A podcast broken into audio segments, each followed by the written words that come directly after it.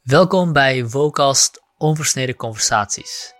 Ik ben Chad Roof en ik verzorg deze podcast volledig zelfstandig en onafhankelijk dankzij de steun van mijn supporters. Als jij ook met plezier luistert naar deze podcast en mij wil helpen om deze gesprekken te blijven voeren, kijk dan eens op www.vocast.live.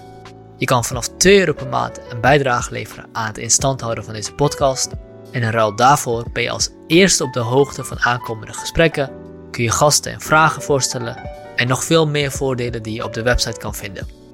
Of je kan een review achterlaten op jouw podcast-app, aflevering delen op je social media of gewoon deze podcast eens delen met een vriend of vriendin.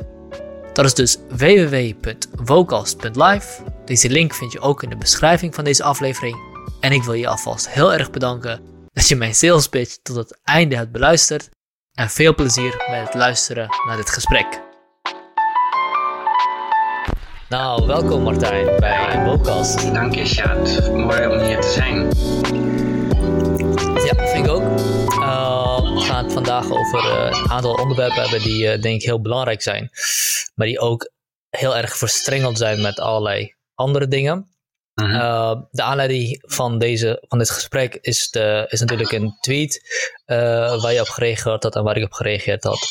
Um, maar voordat we daar op ingaan, wil ik gewoon even wat algemene grond scheppen. Uh, dus uh, wie ben jij, wat doe jij? En um, een specifiek onderwerp waar ik ook heel erg naar benieuwd naar ben, wat ik ook interessant vond, uh, vind, was dat jij in Moslims op TV iets vertelde over hoe moslims in de media benaderd worden, beschreven worden als een daadwerkelijk andere soort van entiteit. En mm. dat daar iets mee moet. En daar ben ik ook heel benieuwd naar, want dat vond ik heel interessant. Um, het is wel goed dat ik een kanttekening plaats, want de reactie op de tweet was op reactie van een tweet van uh, Splinter, de politieke partij waar ik kandidaat, kandidaat van ben. Uh, ik wil heel duidelijk zetten, ook voor de mensen die luisteren, ik ben hier niet als vertegenwoordiger van Splinter. Wij zijn met z'n tweeën een gesprek aan het voeren. En je zult ook zien als we dadelijk op, in dat onder, op dat onderwerp ingaan, dat ik ook op die tweet wat opmerkingen heb. Um, dus laten we daarmee beginnen. Uh, mm. En uh, vertel kort wie je bent, wat je doet en, en, en waarom deze onderwerpen voor jou zo interessant zijn. Ja, nou ja, allereerst dank natuurlijk voor de, voor de uitnodiging. Um, en dat, dat was inderdaad in de reactie op die ene tweet die we dan straks nog gaan bespreken. Maar we hadden het natuurlijk al eerder over gehad en je had het ook al eerder uh, gevraagd. Dus uh, nou ja, mooi dat, dat we denk ik eigenlijk, eigenlijk hier zitten. Um, uh, dankzij jouw vasthoudendheid, zeg ik er gelijk bij. Want, um, Zo ben ik. Uh, ja, nou ja, dat is heel goed, dat zie je.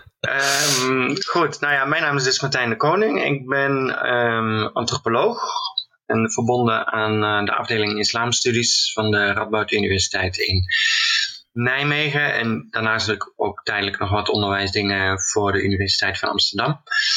Um, in beide gevallen vooral gericht op uh, islam in Europa. En uh, migratie, transnationalisme en dat soort uh, onderwerpen. Trans, wat? Sorry nog Transnationalisme. Transnationalisme, oké. Ja, dus zeg maar alle verbindingen die mensen op de een of andere manier proberen te onderhouden of juist af te breken, uh, die over landsgrenzen heen gaan. Mm -hmm. um, mijn onderzoek um, spitst zich toe op een aantal zaken, dus identiteitsvorming en geloofsbeleving onder jonge moslims. Um, salafisme. Um, en dan met name. Um, even kijken. Ja, met name mensen die naar salafistische uh, moskeeën, kenniskringen, hoe je het wil noemen, uh, gaan. Wat voor kennis doen ze op? En wat doen ze met die kennis? Um, okay. En het meeste nog het laatste. Dus zeg maar, om dan een heel concreet voorbeeld te geven. Als ik dus naar een uh, bijvoorbeeld uh, lezing ging van een, uh, of ga van een prediker. Um, het maakt mij eigenlijk niet zo heel veel uit op dat moment, voor mijn onderzoek, niet zoveel uit wat die prediker precies zegt. Mm -hmm. Het gaat mij om de vragen die gesteld worden door het publiek. Oké. Ehm, en, en, wat voor, en, en uh, wat voor, uh, en dit vindt zich plaats in moskeeën bedoel je? Of in, in Ja, dat kan, ik bedoel, dit is natuurlijk vaak in moskeeën. En, en, en zeker die salafistische moskeeën, die hebben heel veel activiteiten, cursussen, conferenties, mhm. lezingen, uh, vrijdag preken natuurlijk. Maar het kan ook bij mensen thuis zijn. Hè. Er zijn ook heel veel mensen die thuis allerlei activiteiten organiseren. Momenteel natuurlijk veel, of zo goed als alles online. Um, en dan bekijk dus vooral, oké, welke vragen hebben mensen in het publiek, en zeker als mijn respondenten daarin zitten, welke vragen hebben ze voor die predikers? Um, en wat doen ze uiteindelijk met de kennis die ze uh, daarop doen? Um, een ander onderwerp is activisme. En dan echt in de breedste zin uh, van het woord. Dus er kunnen allerlei militante of zelfs agressieve vormen van activisme ondervallen, zoals we in het verleden hebben gezien met Sharia voor Belgium, Sharia voor Holland en mhm. dergelijke. Um, maar ook het activisme bijvoorbeeld van een organisatie als Meld Islamofobie. Mhm. Of een veel meer mainstream organisatie zoals uh, SPIOR, het uh, platform van islamitische organisaties in Rotterdam. Um, Waarbij ik dan vooral kijk van oké, hoe claimen ze een soort van publieke aanwezigheid? Uh, waar reageren ze op, waar reageren ze ook niet op? um, en welke overwegingen hebben mensen daar dan bij? Um, een ander onderwerp waar ik, en dat is eigenlijk een beetje in het verlengde van dat activisme onderwerp uh, gekomen, want op een gegeven moment heb ik samen met collega's Carmen Becker in een onderzoek gedaan uh, in België, Nederland en Duitsland. Uh, met Sharia for Belgium in België, Behind Bars en Sharia for Holland in Nederland. En Milato Ibrahim en Tawi Germany in Duitsland.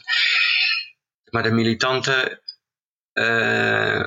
groepen die soms openlijk flirten destijds met het Al-Qaeda gedachtegoed en op een mhm. gegeven moment ook met ISIS-gedachtegoed en symbolen. Um, en dan krijg je natuurlijk ook te maken met anti Ja, zeg maar, wat wilde je vragen? Ja, eh, zijn, zijn die drie groeperingen, dus uh, Sharia voor Belgium, Sharia voor Holland en die derde in Duitsland, die je noemde, wie was dat? Melato Ibrahim en Tawhid Germany. Dat ja. is eigenlijk één groep. Zijn dat groeperingen dus die daadwerkelijk via activistische uh, overwegingen Sharia willen invoeren in die landen? Of een plek voor zichzelf willen creëren waar ze de sharia kunnen uitleven? Um, ja, wij hebben het, uh, het is mooi geformuleerd. Wij hebben het eigenlijk onderzocht als het laatste. Mm um, sharia voor Belgium was wel expliciet in de stelling dat ze, in ieder geval publiekelijk, dat ze sharia wilden invoeren. Maar in de praktijk uh, zagen ze dat zelf als kansloos. Dus wat ze wilden, of wat ze probeerden te doen, was uiteindelijk een soort free space creëren. Een eigen plek. Mhm. Waarin ze uh, nou ja, hun leven konden leiden zoals ze dat het liefst zouden willen uh, leiden. En tegelijkertijd heel activistisch bezig zijn. Hè? Want men pretendeerde ook op te komen voor alle moslims. Mhm. in, uh, niet alleen in België, Nederland en Duitsland, maar in alle moslimlanden. Mhm. Ehm, of al hun landen, zoals men het formuleerde. Um, en met al hun landen bedoelden ze alle landen waar moslims wonen? Of alle landen waarin de moslimgemeenschap een meerderheid heeft? Of? Ja, dat was niet altijd even helder. Maar in de praktijk kwam het erop neer alle landen in het Midden-Oosten en Noord-Afrika waar moslims een meer, meerderheid hebben. Ja. Okay. Um, ehm, dus dat was ook wel nadrukkelijk gericht op Midden-Oosten en Noord-Afrika. Mhm. Ehm, nou ja, als je dat onderzoek doet, dan kom je vroeg of laat, dat is onvermijdelijk, ook in aanraking met antiradicaliseringsbeleid.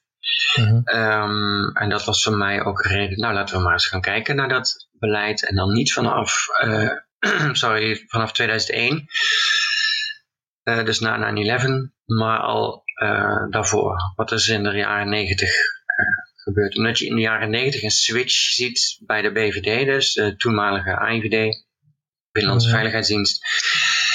Um, dat ze het in hun rapporten nadrukkelijk gaan hebben over politieke islam, fundamentalisme, uh, buitenlandse invloeden, enzovoort, enzovoort.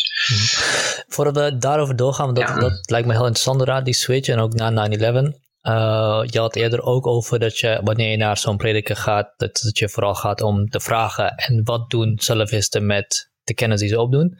Dan is natuurlijk mijn vraag, wat doen ze dan met de kennis die ze opdoen? Um, ja, dat is een uh, goed punt. Nou, um, verschillende dingen. Ze zetten die kennis in om um, hun eigen leven, maar ook dat van hun directe omgeving uh, te islamiseren volgens hun eigen ideeën over wat correcte islam is. Mm -hmm. um, hè, dus je ziet vaak, zeker bij jongeren, dat ze proberen ook om hun broers en zussen, hun ouders, uh, op het juiste islamitische pad uh, te krijgen. Mm -hmm. um, het is ook heel nadrukkelijk bedoeld als een soort reminder, zeg maar, uh, voor hen. Voor anderen is zo'n lezing van een prediker eigenlijk niet meer dan een pep talk. Mm. Um, dan vindt men bijvoorbeeld van uh, dat men islamitisch gezien toch al een tijdje niet meer op de goede weg zit. Nou, laten we maar eens naar zo'n uh, prediker toe gaan, dan krijgen we weer wat energie uh, op dat gebied. Uh, Ze hebben het dan ook, men heeft het dan ook nadrukkelijk over een, een iman boost. dus het is, het is, echt een... Een, een, een iman is geloof in het ja, precies, ja, ja, ja, ja. En um, ja, het is echt een soort hoe heet dat drankje ook alweer, waar je vleugels van gaat krijgen? Um, Red Bull. ja, soort Red Bull voor je geloof, zeg maar. Ja, ja. Um, en, en, en, dat is dan genoeg. Um, en voor veel anderen die, ja, die komen bijvoorbeeld op werk of op school in aanraking met bepaalde uh, vraagstukken. Hè? Dus nou mag je iemand van het andere geslacht een hand schudden, ja of nee? En, en, en als je dat niet mag, hoe doe je dat dan?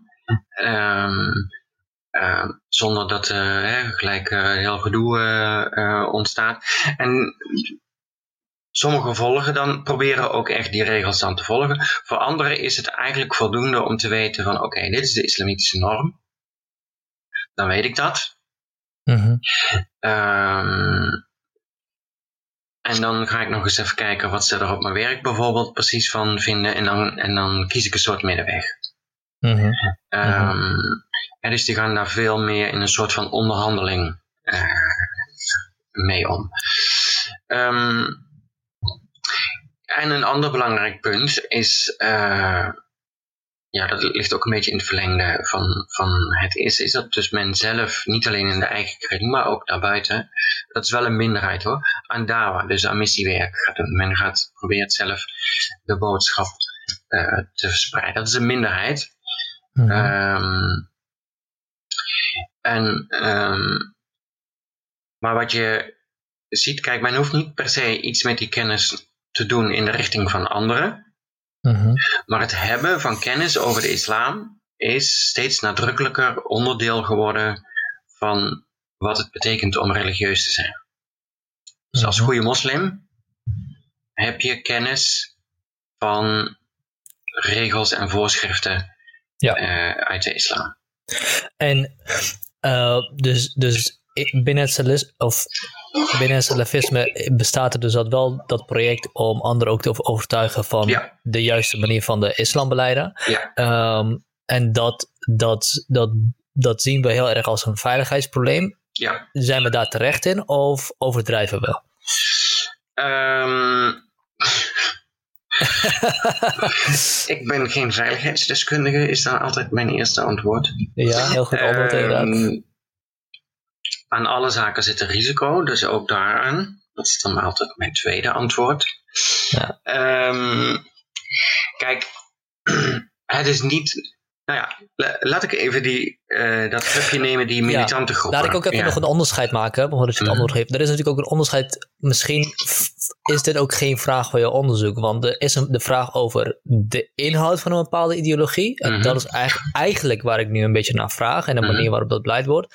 En er is ook nog een vraag of onderzoek naar hoe die ideologie onder mensen zich verspreidt. En dat is misschien meer in lijn met jouw onderzoek. Dus dat, dat zou ook nog een kanttekening kunnen zijn. Ja. Um, ja, nou ja, kijk, op zich natuurlijk iedere ideologie, noem maar op welke, of dat nu liberalisme, socialisme eh, of, of, of een religieuze ideologie is. Um, iedere religie heeft zijn scherpe kantjes. Mhm. En um, in iedere religie, er is echt geen uitzondering, zit ook een traditie van het gebruik van gereguleerd geweld. Mhm. Ehm, of dat nu het christendom is, of het islam, of boeddhisme, dat maakt niet uit. Ehm, en soms kun je dat zien, denk ik, als heel problematisch. Aan andere gevallen misschien uh, minder. Um, maar die relatie is tegelijkertijd ook heel complex. En misschien is die Nederlandse groep van Behind Bars en Sheriff Holland, die ik noemde, wel een goed voorbeeld daarvan. Um, die groep, met name Behind Bars uit, uit eh, Den Haag, die behoorde tot het, tot de, het, het eerste contingent uitreizigers naar Syrië. Uh, in 2012. Um, en in, er zijn er al twee vertrokken in de zomer van 2012. Dus nog ruim een half jaar, ongeveer, ja, bijna een half jaar. Nee, ruim een half jaar voordat we het er echt over hadden, zeg maar. Um, was op dat moment voor onze onderzoeker op zich niet zo'n verrassing. Um, die groepen hadden een geschiedenis van proberen uit te reizen. En meestal mislukte dat. Um, bijna al die jongens, het waren toen meestal jongens, bijna al die jongens hadden een geschiedenis in uh, Haagse, Rotterdamse en Delftse salafistische kringen. Allemaal. Mm Zo, geen uitzondering. Maar, ook zonder uitzondering, ze zijn er ook allemaal uitgegooid. 2008, 2009 zijn die, eh, toen waren ze 17, 18, 19, um, uit de bijvoorbeeld moskee Asuna gezet in Den Haag. En ze mochten ook niet meer terug. Uh, vanwege die pogingen tot uitreizen. Vanwege hun, wat, wat volgens de moskee, recal, te recalcitrant gedrag uh, was. Um, dus als je bijvoorbeeld in dat geval, wat zeg maar echt een, uh, een groep was die kennis had van bepaalde vormen van salafistische ideologie. Um, en in hun geval kun je dus zeggen van ja, ze hebben allemaal een geschiedenis in die kringen, maar ze zijn er ook allemaal van weg, weggebroken, als het ware. Mhm. Dat geeft wel aan, er is niet zo'n eenduidige lijn te trekken van salafisme naar uitreizen en geweld uh, enzovoorts. Um, tegelijkertijd, ja, daar zitten overeenkomsten in uh, gedachtegoed. En uh, een collega van mij, Joas Wagenmakers aan de Universiteit van Utrecht, um, heeft bijvoorbeeld heel veel geschreven over het principe, wat een belangrijk en, en ik denk dat je kunt stellen vrij specifiek salafistische principe is, wala wal bara, dus loyaliteit en distantie. Mm Dus uh, wordt vaak in het Nederlands vertaald uh, door de jongeren als uh, liefde voor God en haat voor alles wat God ook haat. Um, wat natuurlijk een veel sterker onderscheid is dan de termen loyaliteit en distantie. Ja. Um, en dat, dat verschil is wel belangrijk, want op zich kun je stellen, ah, dat is eigenlijk een vrij uitgebreid, een vrij normaal onderscheid. Uh, uh, iedere ideologie, iedere religie heeft een onderscheid tussen wij en zij. Mhm. um, als je dat onderscheid niet hebt, waarom heb je dan überhaupt een religie? Mhm. um, maar bij die, bij de, in salafistische kringen wordt het echt een instrument. Het wordt een instrument om missie te doen. Het wordt een instrument om anderen te verketteren. Um, het wordt een instrument om als het ware het gedrag van anderen te analyseren. Want als je te vriendelijk bent ten opzichte van de ongelovigen, dan zul je ook wel aan hun kant uh, staan. Dus het worden echt hele zwaarwegende uh, kwesties waar ook echt onderwijs in gegeven wordt van hoe doe je dat dan? Um, en want er zijn ook heel veel vragen over, want je het is allemaal leuk en aardig. Uh, ja, um, je kunt wel stellen van, hey, je moet ongeloof haten of ongelovigen haten. Mm -hmm. Maar hoe doe je dat dan als je bekeerd bent tot de islam? Moet je dan je ouders gaan haten? Ja. Wat overigens ook in strijd is met islam. Uh, want je moet je, je ouders, uh, moslim of niet, uh, ook, ook weer de salafistische kringen, die moet je juist respecteren. Dus hoe doe je dat dan? Um, dat is nog best een complex verhaal. Um, mm -hmm. en, hoe, hoe, hoe doe je dat als je überhaupt in een heidens land woont? Precies, want dat is een uitstekend punt. Want dat, dat, dat hele vraagstuk van je moet afstand houden zeg maar, ten opzichte van ongelovigen ongelovigen. Ja, dat is in Saoedi-Arabië echt een ander verhaal dan in Nederland. um, dus ja, um, wat, wat ga je daar nou precies mee doen? Maar dat scherpe, uh, dus daar zijn ook ja, lessen over, lezingen over. En dan zie je ook die vragen uh, terugkomen. Dus het is echt ook een heel belangrijk principe in het onderwijs. En tegelijkertijd kun je daar ook van stellen, ja, maar als je dat wij-zij-denken zo scherp maakt, dan neigt het op een gegeven moment, en in, in, in sommige kringen zie je dat, dan neigt het naar een soort dehumanisering, demonisering van de outsider. Mm En dat weten we allemaal, dat is riskant. Um, want dan dat verlaagt ook de drempel tot uitsluiting, geweld uh, enzovoort. Ten meer omdat uh, je hoort dan zeg maar in een moskee, je moet wegblijven van die ongelovigen. Mm -hmm. En dan moet je je voorstellen, dan, oké, okay, ik bedoel even enigszins een beetje karikaturaal gesteld, maar dan stap je als het ware die moskee uit.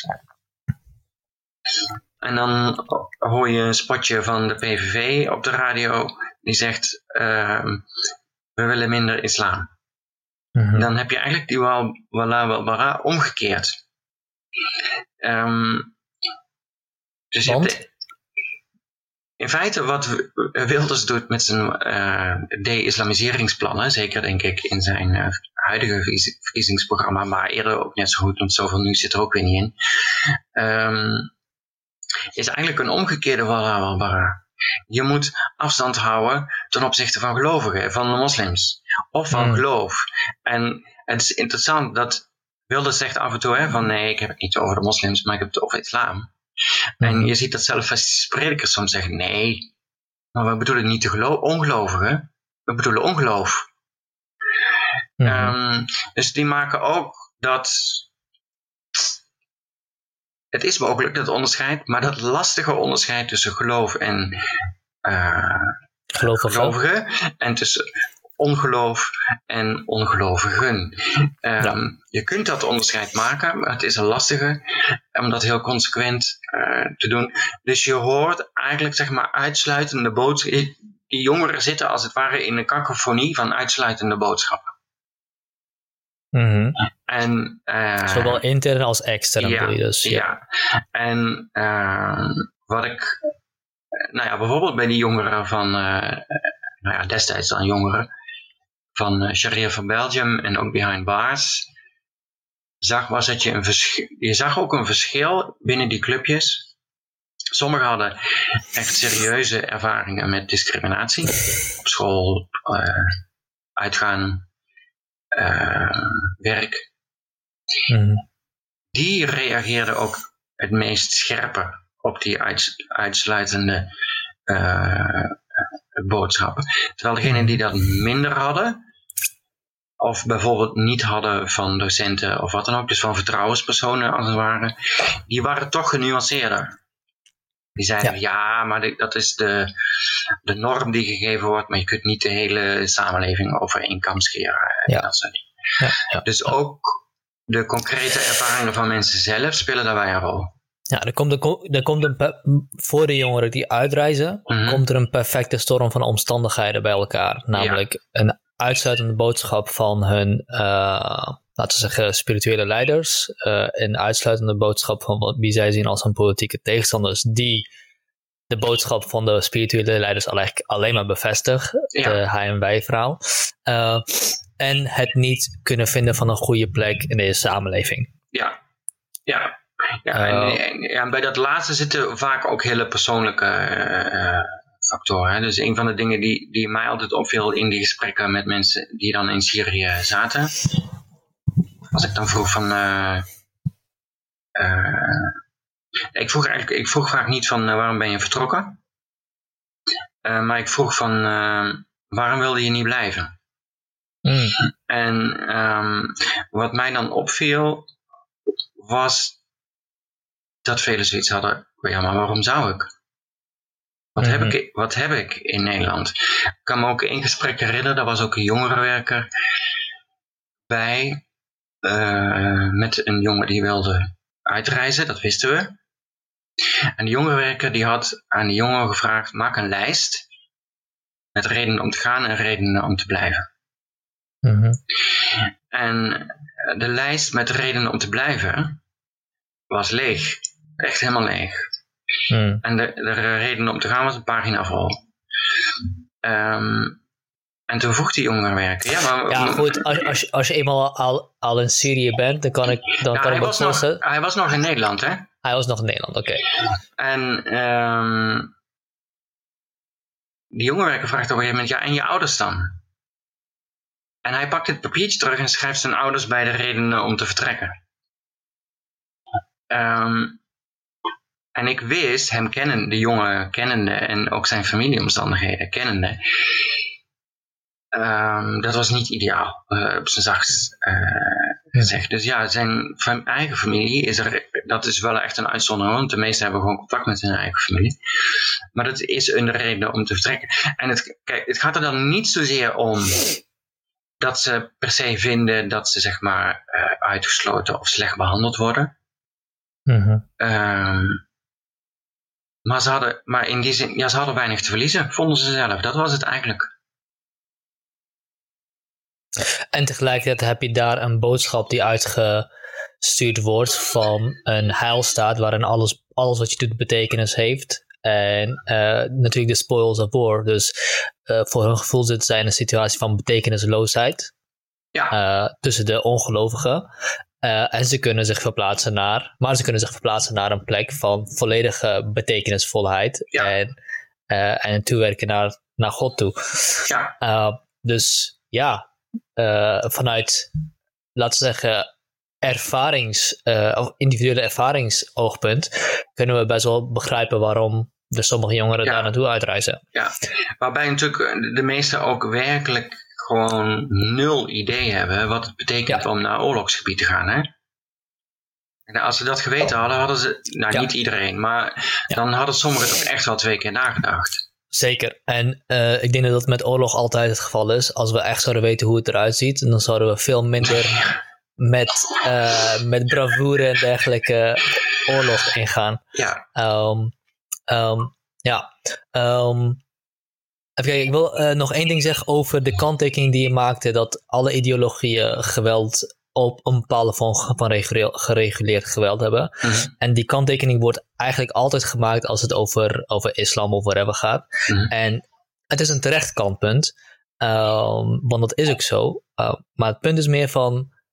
Uh, ja, dat, tuurlijk is dat zo. Maar op het moment dat dadelijk uh, een groepering het christenstaat op, oproept en allerlei christenen naar weet ik veel Oost-Europa gaan uitreizen, dan, dan gaan we natuurlijk op dezelfde manier het over, uh, over het christendom hebben en, en die christenen hebben als we het nu over de islamitische staat hebben. Dan hoeven we denk ik niet te gaan zeggen, ja goed, maar alle religies en alle ideologieën hebben geweld in zich geen kante, kanttekeningen. Het gaat nu om de specifieke vorm waarop dat beide of, sorry, de specifieke vorm waardoor het in een uh, cocktail waarin de islam een rol speelt naar voren komt en wat we daaraan kunnen doen en of we er iets aan moeten doen en of dat nou inderdaad iets is wat, wat we met de ideologie moeten doen, of dat we sociologisch moeten aanpakken, of maatschappelijk, of misschien op diplomatiek iets. Dat is natuurlijk maar de vraag. Ja.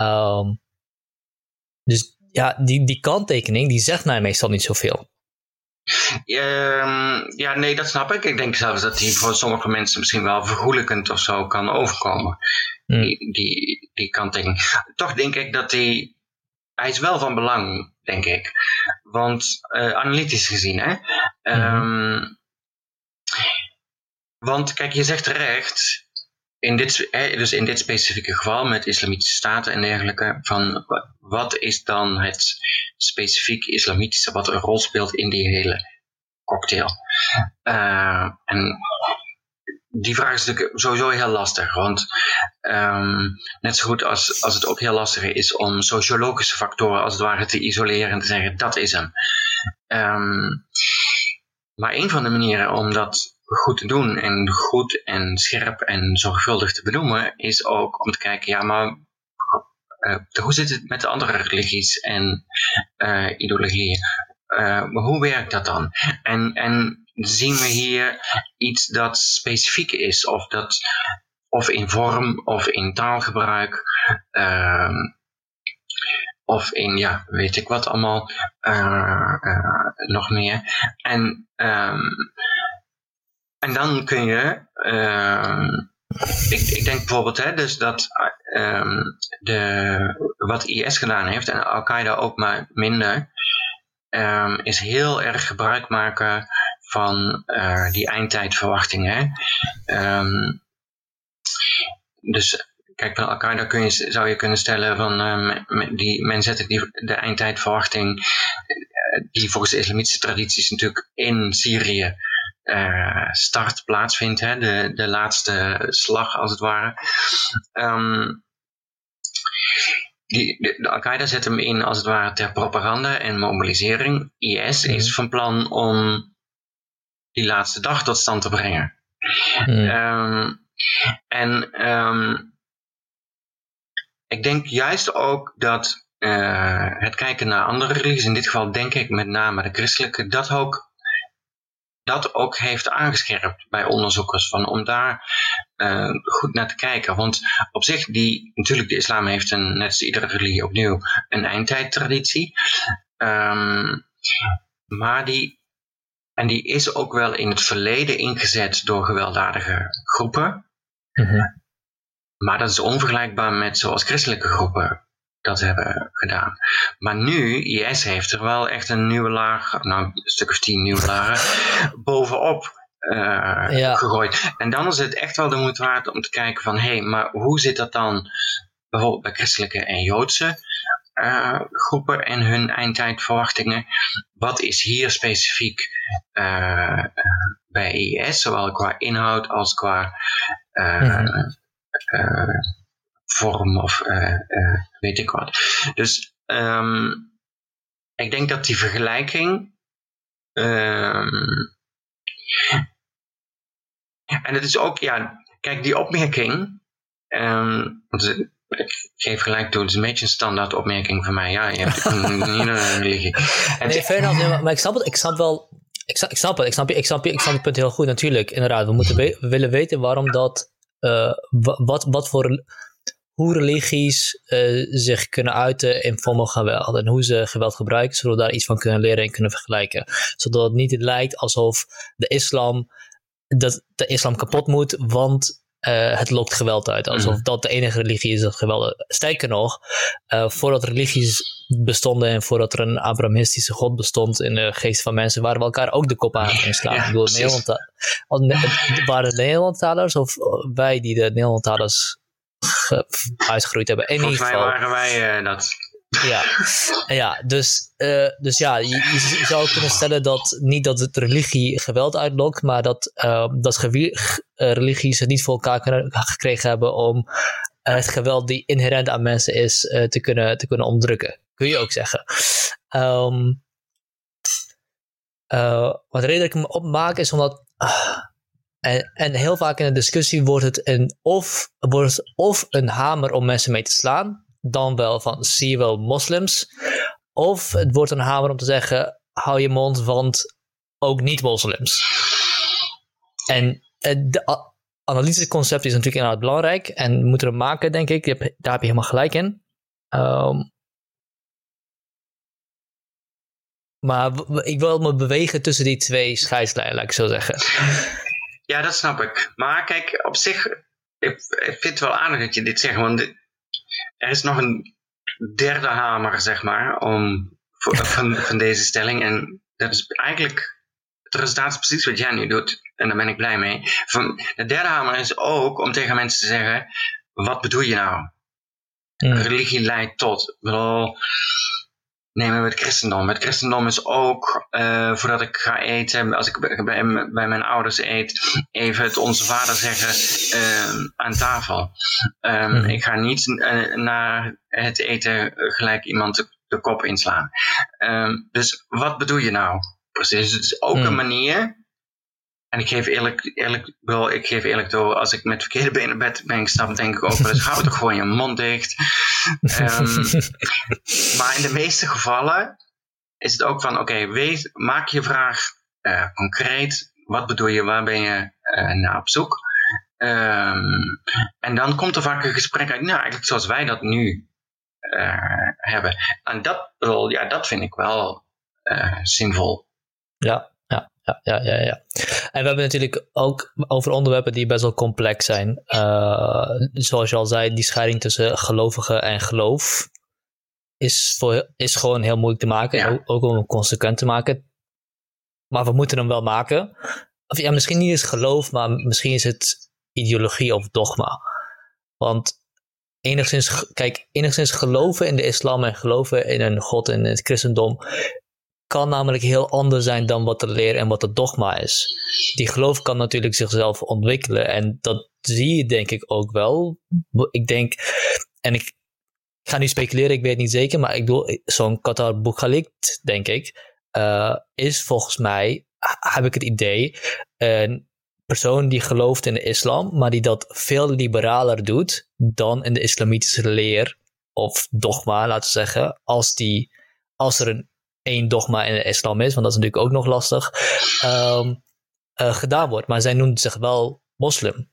Als je daar een salafist zou vragen, of ja, laten zeggen, als je naar Syrië zou gaan en zo, zeggen uh, bij, bij, een gelovige die veel conservatiever is, waar de plek van de vrouw veel meer thuis zit, wat natuurlijk niet alleen maar een islamitisch iets is, maar ook een cultureel iets is, dan zou haar positie als moslim veel lastiger zijn. Ja. Um, dus dit, het verschil tussen de geloven, het geloof, de gelovige, de leer op zichzelf, is, is al heel lastig te maken.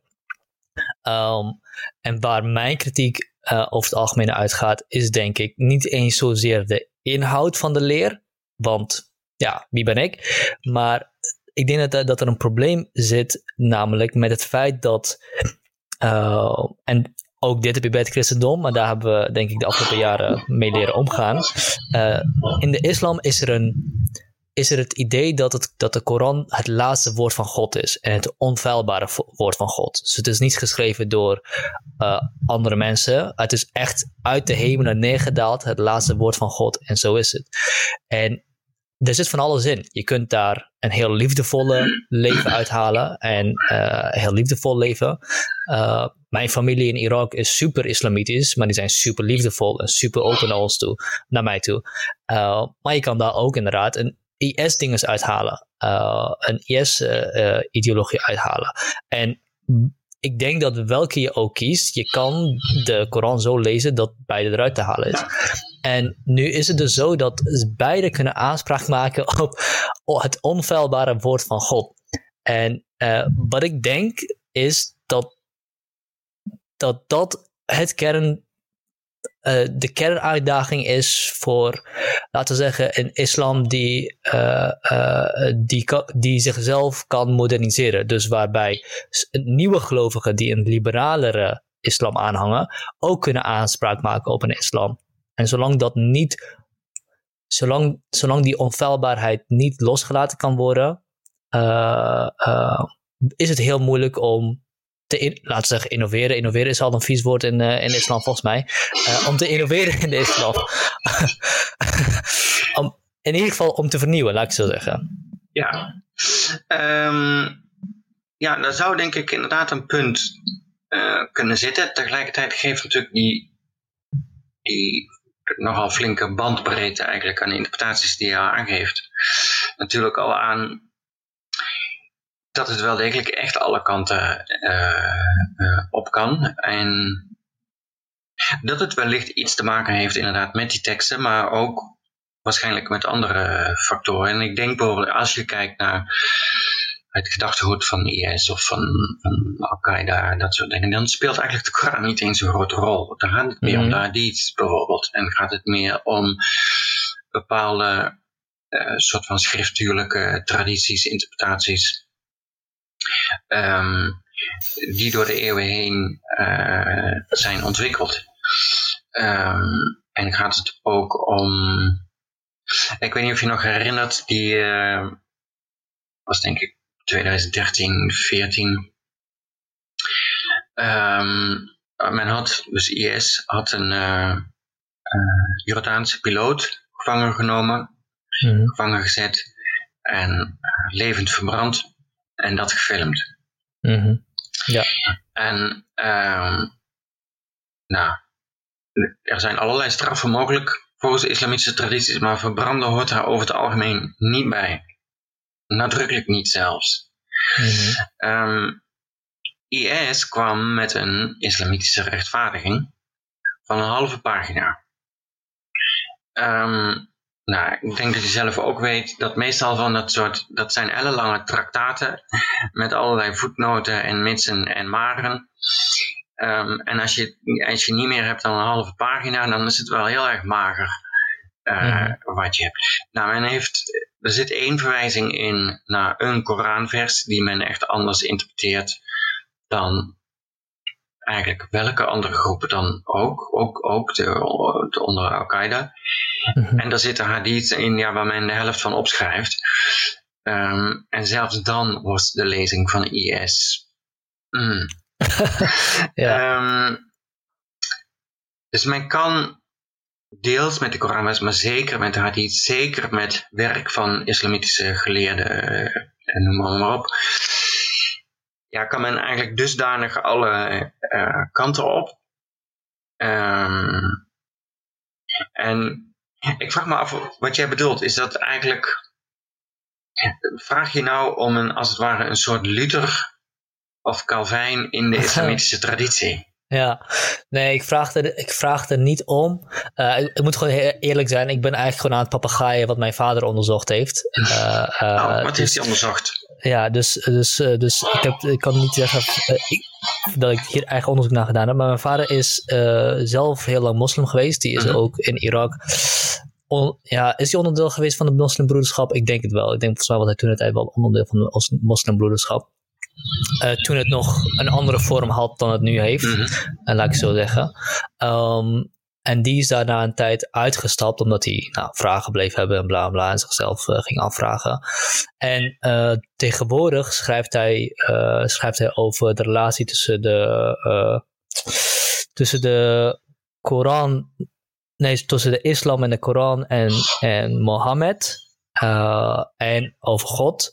Uh, dus hij heeft een aantal boeken in het Koerisch over waar ligt de waarheid, uh, bij God of bij de Koran. Nou, een van zijn dingen wat hij daarin doet bijvoorbeeld is, en hij schrijft dit voor een Irakese Koerische publiek, waarbij dus de Koran nog wel echt een, waar, een, een, een, niet alleen maar een metaforische waarheid kan hebben, maar ook daadwerkelijk een letterlijke waarheid. Waarin hij gewoon eigenlijk onderzoekt waar dat in de Koran er een heliocentrisch wereldbeeld erop nagehouden wordt.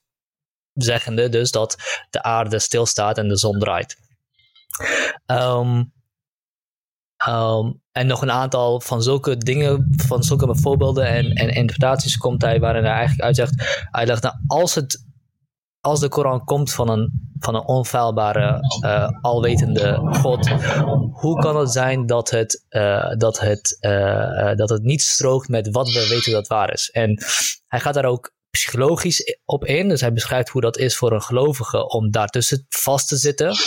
Hier heeft iemand de waarheid. Dat heeft mij geleerd dat dit de waarheid is. Maar met mijn eigen ogen kan ik zien dat het niet zo is. Of ik moet een complot uh, uh, invoeren dat het daadwerkelijk niet zo is. Uh, of ik moet accepteren dat het in ieder geval niet 100% helemaal waar is wat daar in die Koran staat. En dat geeft natuurlijk ook een identiteitsprobleem. Ehm, en wat hij zegt is, als we willen dat de, dat de islam uh, kan moderniseren, dan moeten we accepteren dat de Koran geen letterlijke waarheid is. Want dat, is dat zal voor een God niet nodig zijn dat jij een letterlijke waarheid hebt.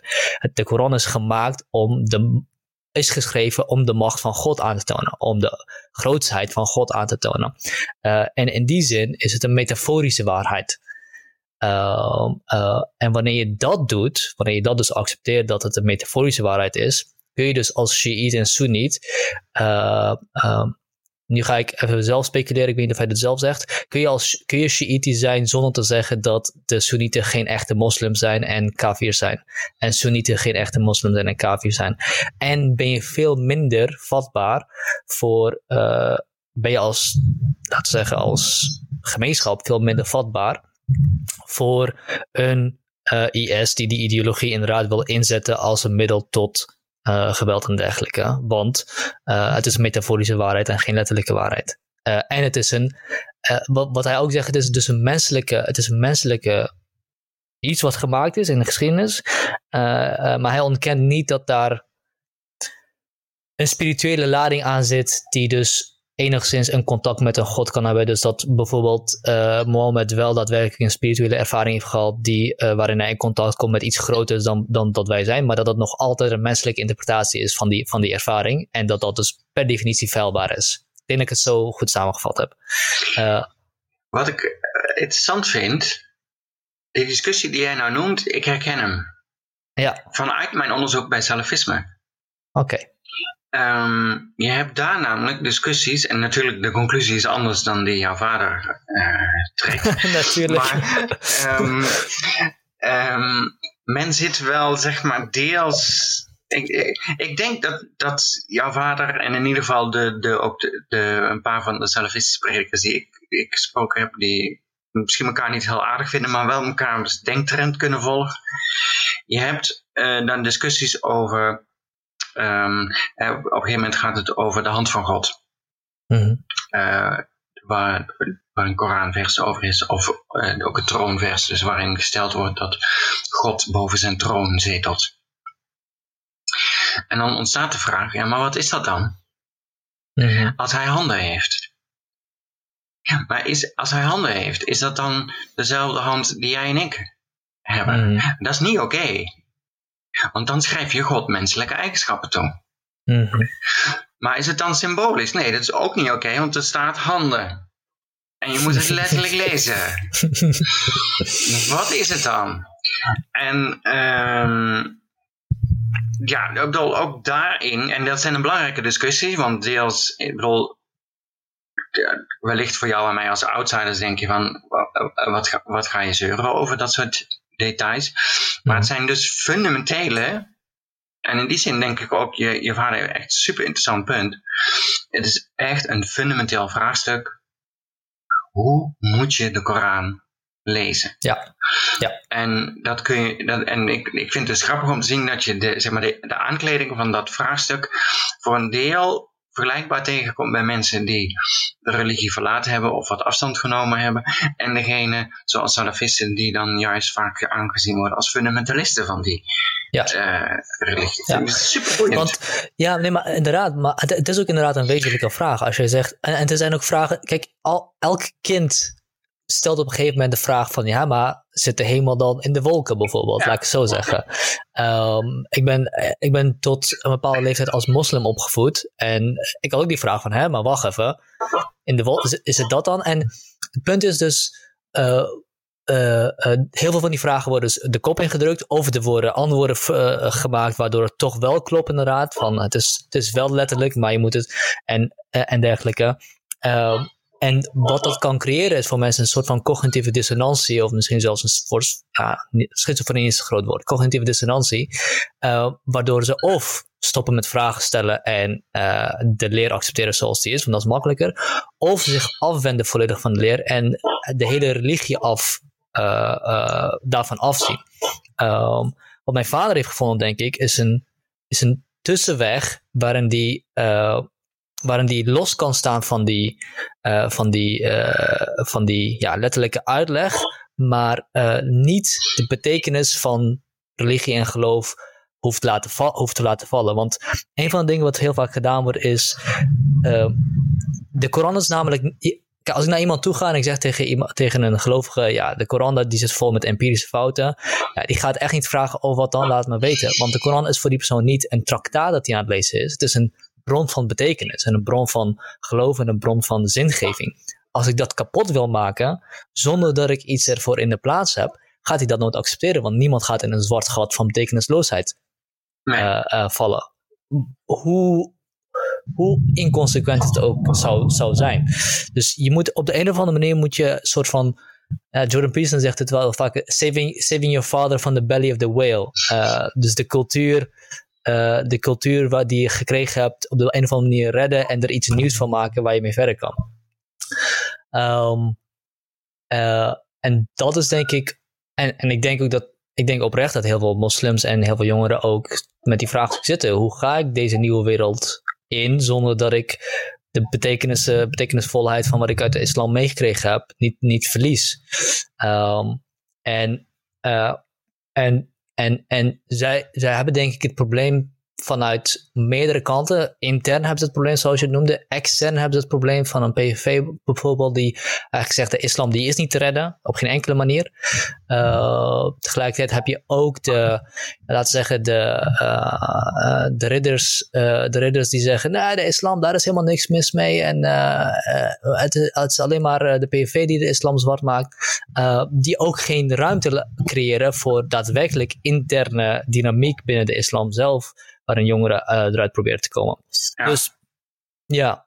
Maar dan is het interessant dat je dit zegt, want dit is denk ik deels, en dat klinkt misschien wat tegenstrijdig, want als iemand zich natuurlijk vastbijt in de zeg maar, conservatieve lezing van de islam, dan zijn het de salafisten.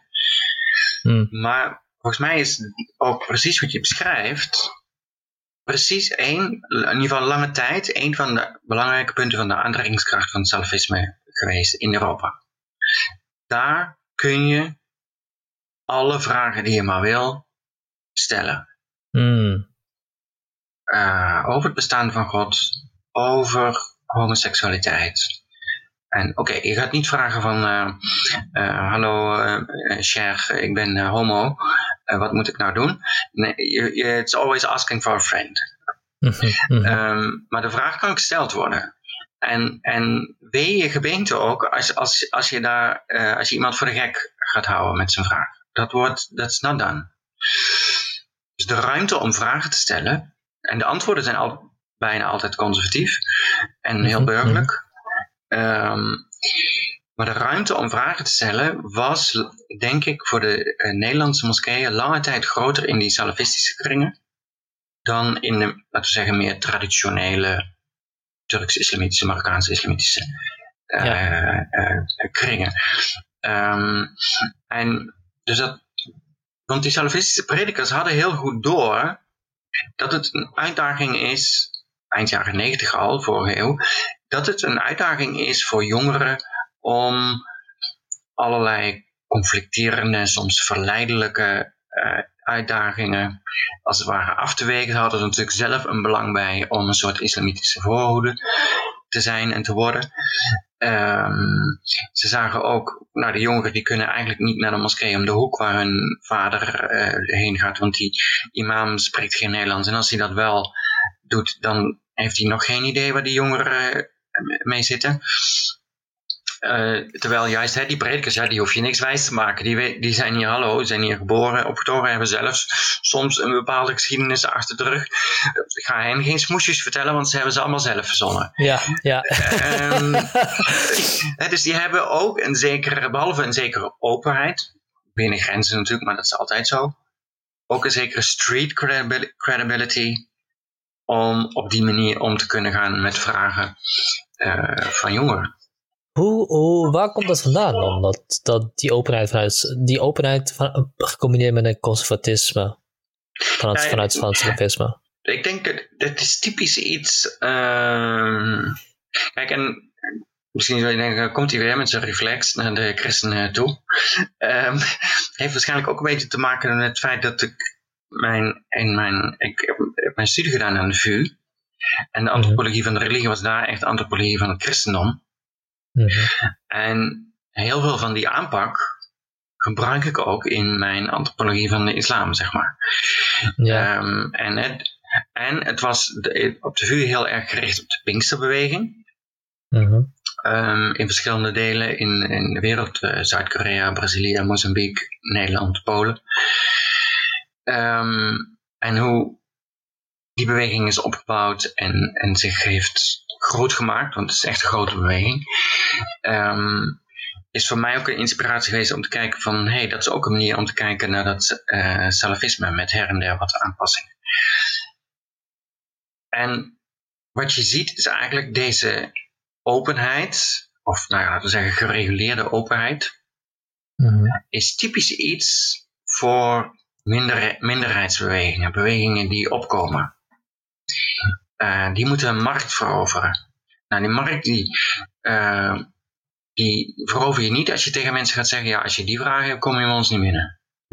Uh, nee, die markt die verover je als je kunt zeggen, hey, als je vragen hebt die je nergens kunt stellen, kom maar bij ons. Dat is goed. En de, je ziet dat bij de Pinksterbeweging, dat is inmiddels wel een ander verhaal, want die is in sommige gebieden echt dominant. Maar waar het een minderheid is, um, is het, en ook wel, ja, ook voor, de, voor die bewegingen zelf, dus ook voor die Salafis. Ze, ze moesten ook wel, want ze hadden veel minder ingang in de reguliere uh, moskeeën. En dus zo waren ze ook een van de eerste bijvoorbeeld die gebruik gingen maken, professioneel gebruik gingen maken van internet en van databases uh, die je kon maken op internet. En zodat je niet een e-mail naar een cyberimam moet sturen en dan twee weken later uh, tien pagina's aan antwoord krijgt. Hè?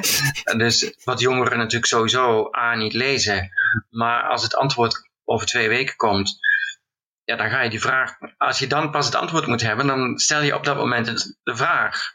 Um, dus die hebben nu een vraag, willen nu een antwoord. En het is veel makkelijker als je je antwoord kunt intikken en je drukt op submit en uh, of de vraag kunt intikken, druk op submit en uh, de antwoord rolt eruit. Um, dat hadden die salafisten goed begrepen. Dus zij waren daar ook, die, dat was als het ware hun manier om, als je het even ziet als een religieuze markt hè, met vraag naar kennis en aanbod van kennis, dan was dat hun manier om die religieuze markt open te breken.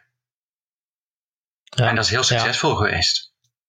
Maar ze moeten tegelijkertijd ook uh, mensen hebben gehad die, of mensen hebben gevonden die daar ook heel goed in waren. En die ook gewoon, gewoon open waren om het met, met om over, over laten we zeggen, heel uh, uh, niet, niet, niet reine onderwerpen te spreken. Uh, en ze moeten daar ook nog eens antwoorden op hebben gevonden. Nou ja, we hebben natuurlijk een lange geschiedenis, waarschijnlijk zijn, waren er heel veel antwoorden ook wel, wel te vinden. maar is dat, is er een groep mensen geweest in Nederland die zich op een gegeven moment is gaan verenigen? Is dat een. Uh, uh, of, of kwamen ze zelf vanuit de moskee en dachten ze, nou, dit is het niet? Of hebben ze gedacht, nou, we moeten de islam gaan redden, want het gaat de verkeerde kant op? Ja, er zijn denk ik, er zijn drie denk ik verschillende uh, zaken geweest die een rol hebben gespeeld. En, beschrijven dat uh, we, is uh, mijn collega's Joas Wagemakers en Carmen Becker en ik in ons boek over salafisme. Um, dat um, er op een gegeven moment op verschillende plekken, ook in Nederland dus, een situatie ontstaat in de jaren tachtig, waarbij de toenmalige jonge generatie um, ontevreden is over de koers van de moskeeën. Mm -hmm. Te behouden, te, te gesloten en nog te weinig gericht op jongeren, terwijl iedereen wel zag van eh, begin jaren, midden jaren tachtig van die jongeren komen eraan. Um, je zag dat onder andere in Eindhoven en Amsterdam en die groepen wilden eigenlijk wel weg van de moskee, maar konden dat weer niet, want dan moet je nu een moskee oprichten. Maar ja, wie heeft daar nou het geld voor? Um, tegelijkertijd was er ook vanuit uh, Saudi-Arabië, vanuit Egypte, Qatar minder nog, denk ik, op dat moment. Zal, ja, vooral Saudi-Arabië, Egypte. Um, een zekere drang naar Europa als missiegebied.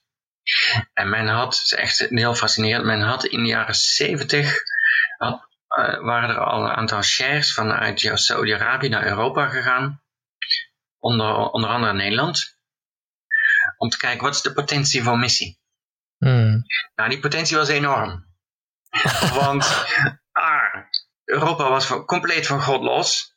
Ja. Dus men had heel veel behoefte aan spiritualiteit. Materieel ging het goed, niks dan bewondering, lees je ook in die verslagen van die sheiks. Maar spiritueel, wat een woestenij. Ehm, en ehm, ook een dorstige bevolking, want je hebt moslims die eigenlijk volledig zijn afgesneden van de ware islam en misschien nog wat dingetjes van de cultuur islam hebben. Dus het gebied ligt er. Dat, nou, een beetje ehm, halverwege jaren 70, eind jaren uh, 70. Dan een andere ontwikkeling is ook dat in de jaren uh, 80 in verschillende groepen in uh, Saudi-Arabië en Egypte ook van de overheid daar de gelegenheid kregen om als uh, privé liefdadigheid, privé ondernemingen, Europese organisaties te gaan steunen. Mm. Nou, die groepen en die allereerste groep die ik noemde, hè, dus die groep mensen die ontevreden waren over de moskee, die vinden elkaar. Um, en dat heeft bijvoorbeeld geleid tot de oprichting van de Vulkaanmoskee in Eindhoven. Mm. En dat is eigenlijk het resultaat van een groep uit Helmond. Die is weggebroken uit die moskee, een alternatieve plek zocht en dat werd dan Eindhoven. Tawhid Moskee heeft, Amsterdam heeft net iets andere geschiedenis, maar ook, lijkt er ook een beetje op. Um, en ja, dat zijn zaken die bij elkaar uh, op elkaar ingrijpen en een soort extra factor, maar slagroom op het toetje, om het zo maar even te noemen. Hoewel ik denk dat bijna niemand dat vindt, ook Saudi-Arabië niet. Um, wat Saudi-Arabië ook heeft gedaan, jaren 70, maar met name jaren 80 na de bezetting en uh, de belegering van de grote moskee. Mm -hmm. En wanneer was dat? 79. Um, een heleboel mensen gevangen gezet en verbannen. Uh, met name mensen die een soort connectie hadden met moslimbroeders. Het zij Egyptische moslimbroeders, het zij Syrische moslimbroeders. Heeft men uitgezet. Naar Londen onder andere. En mm -hmm. um, ik weet niet precies waarom men dat op die manier gedaan heeft. Maar als men heeft gedacht, we zetten die in Londen neer, dan zijn we er vanaf. Dan zijn ze echt van een koude kermis uh, thuisgekomen. Want dat zijn de groepen die met name in Europa uh, echt de salafisten georganiseerd en opgezet uh, hebben. En vanuit Londen bijvoorbeeld is er ook vanuit het netwerk van Mohammed Surur, afkomstig uit Syrië, vertrokken naar Saudi-Arabië, uitgezet, 80, begin jaren 80, naar Londen gegaan. En Eindhoven was voor hem de hub voor de rest van Europa. Uh, vanuit Eindhoven ging het naar Aken, Hamburg, Parijs op een gegeven moment, Brussel, Antwerpen. Uh, dus uh, zeker eind jaren 80, begin jaren 90, Eindhoven was echt een centrale hub voor het Europese continent, het vasteland. En het is gewoon goed georganiseerd, het is slim ja. georganiseerd. En wat denk ik ook een rol speelt, is dat je in al die kringen zag je vrij snel bekeerlingen autochtone bekeerlingen, maar ook uh, uit uh, zogeheten allochtone groepen. En het zijn ook met name de bekeerlingen die ervoor gezorgd hebben dat echt alles bespreekbaar was. Die werden denk ik toch wat minder geremd op dat punt door allerlei zeg maar soort ja, religieus, cultureel, traditionele terughoudendheden ja, ja, en beperkingen. Ehm, kijk, en vergis je niet, die jongeren die dus een gegeven moment als het ware ook echt aan het woord komen, dan zijn natuurlijk wel gewoon jongeren die hier opgegroeid zijn. ik kan me een discussie herinneren, de moskee waar ik zat op een gegeven moment, ik zat boven met de imam en met de voorzitter en we hoorden allerlei gedoe uit de gebedsruimte, dus neem maar eens kijken. En um, was dus een jongen, die, die was 15. En die zei -hmm. tegen een man van 85, ah, bidt u al een hele leven zo? Ja, maar dan is uw gebed ongeldig. En als uw gebed het hele leven ongeldig is, bent u dus gewoon geen moslim. En uh, Hoeveel klappen kreeg die jongen? nou, die werd door de imam subiet naar boven gestuurd. En uh, ik zei van, nou, dat wil ik wel even zien, ik ga mee. En uh, zegt die jongen nog, van, uh, ja, maar meneer Martijn die weet precies wat ik uh, bedoel. Want je leert hier in Nederland gewoon dat je eerlijk moet zijn. En uh, toen zei ik tegen hem, ik zeg nou, laten we hem even Hisham noemen. Hisham, als ik op deze leeftijd zo tegen mijn vader zou praten als jij tegen die man gesproken hebt, dan denk ik dat ik toch echt een draai om mijn oren krijg. en, en volledig terecht. Uh, want ja, je mag best eerlijk zijn tegen je ouders, of tegen ouderen, graag zelfs. Maar dat doe je nog. Dit was niet respectvol. Ja, en, um, maar dat is wel die directheid. En ook tegen bijvoorbeeld jongeren die tegen een imam, oudere imam, die echt ook serieus geleerd heeft, vraagt: Wat is je bewijs? Je beweert wel van alles. Wat is je bewijs? Ja. Toon het dan aan. Mm -hmm. Nu is dat een normale vraag, die kun je stellen. Destijds eind jaren 80, begin jaren 90, dat was zo omschoft. Ja. ja, um, ja. Dus ook zeg maar die, nou ja, laten we het even de Hollandse directheid noemen. Um, Brabanders zeggen ook dat is echt een Hollands dingetje. Um, klopt, klopt, denk ik wel. Denk ik wel. die speelt daar denk ik ook wel een rol in. En met die bekeerlingen hadden die, die salafisten daar eerder denk ik, de vruchten en soms ook vruchten uh, van. Ja, ja, ja. Um, je, noemde ook uh, dat, uh, dat salafisme ook wel door hulp vanuit Saudi-Arabië en dergelijke groter is gemaakt, omdat zij hier dus een, een woestenij aan spiritualiteit zagen. Um, ik moet dan meteen weer denken aan Qatar en de verdachtmakingen dat zij ja, wat, wat is het? Ik denk dat er een beetje drie soort verdachtmakingen naar haar zijn gemaakt. Eén, uh, ze zou een moslim zijn met een hoofddoek en ze hoort niet in de Tweede Kamer. Mm-hmm. Uh, twee, uh, GroenLinks is een seculier liberale partij, die horen haar niet aan te nemen. En drie, Femiso is eigenlijk een, een islamiseringsorganisatie en Qatar is eigenlijk gewoon een spion ik denk dat dat een beetje de drie, uh, de drie verdachtmakingen zijn. Nou, die eerste twee die kun je denk ik volgens mij gewoon aan de kant schuiven. Want ja, hoofddoek, uh, daar heeft niks mee te maken. Uh, wie GroenLinks aanneemt als kandidaat, dat mogen ze lekker zelf bepalen. en ten derde, en die derde is, nou ja, ik weet niet wat, ik weet niet hoe dat zit. Ik heb geen idee. Um, Femiso, volgens mij zou volgens de Duitse inlichtingendienst een gevaar zijn of iets dergelijks. Maar wat, wat, ik eigenlijk wil vragen is, zit daar een kern van waarheid in? In, uh, in, in het idee dat, uh, uh, dat Saudi-Arabië, even dan als voorbeeld, door middel van islampropagatie, ja, propagatie van islam, invloed wil uitoefenen op binnenlandse betrekkingen? Um ja, deels zit er wel wat in. Um, Kijk, bij, bij, Turkije weet ik dat het zo is. Bij Rusland ja. weet ik dat het zo is. Ja. Kijk, het gaat er op zich, ik bedoel, Saoedi-Arabië niet per se om dat die... Um, uh, dat ze nou precies willen reguleren hoe moslims in Nederland of zo zich gaan gedragen.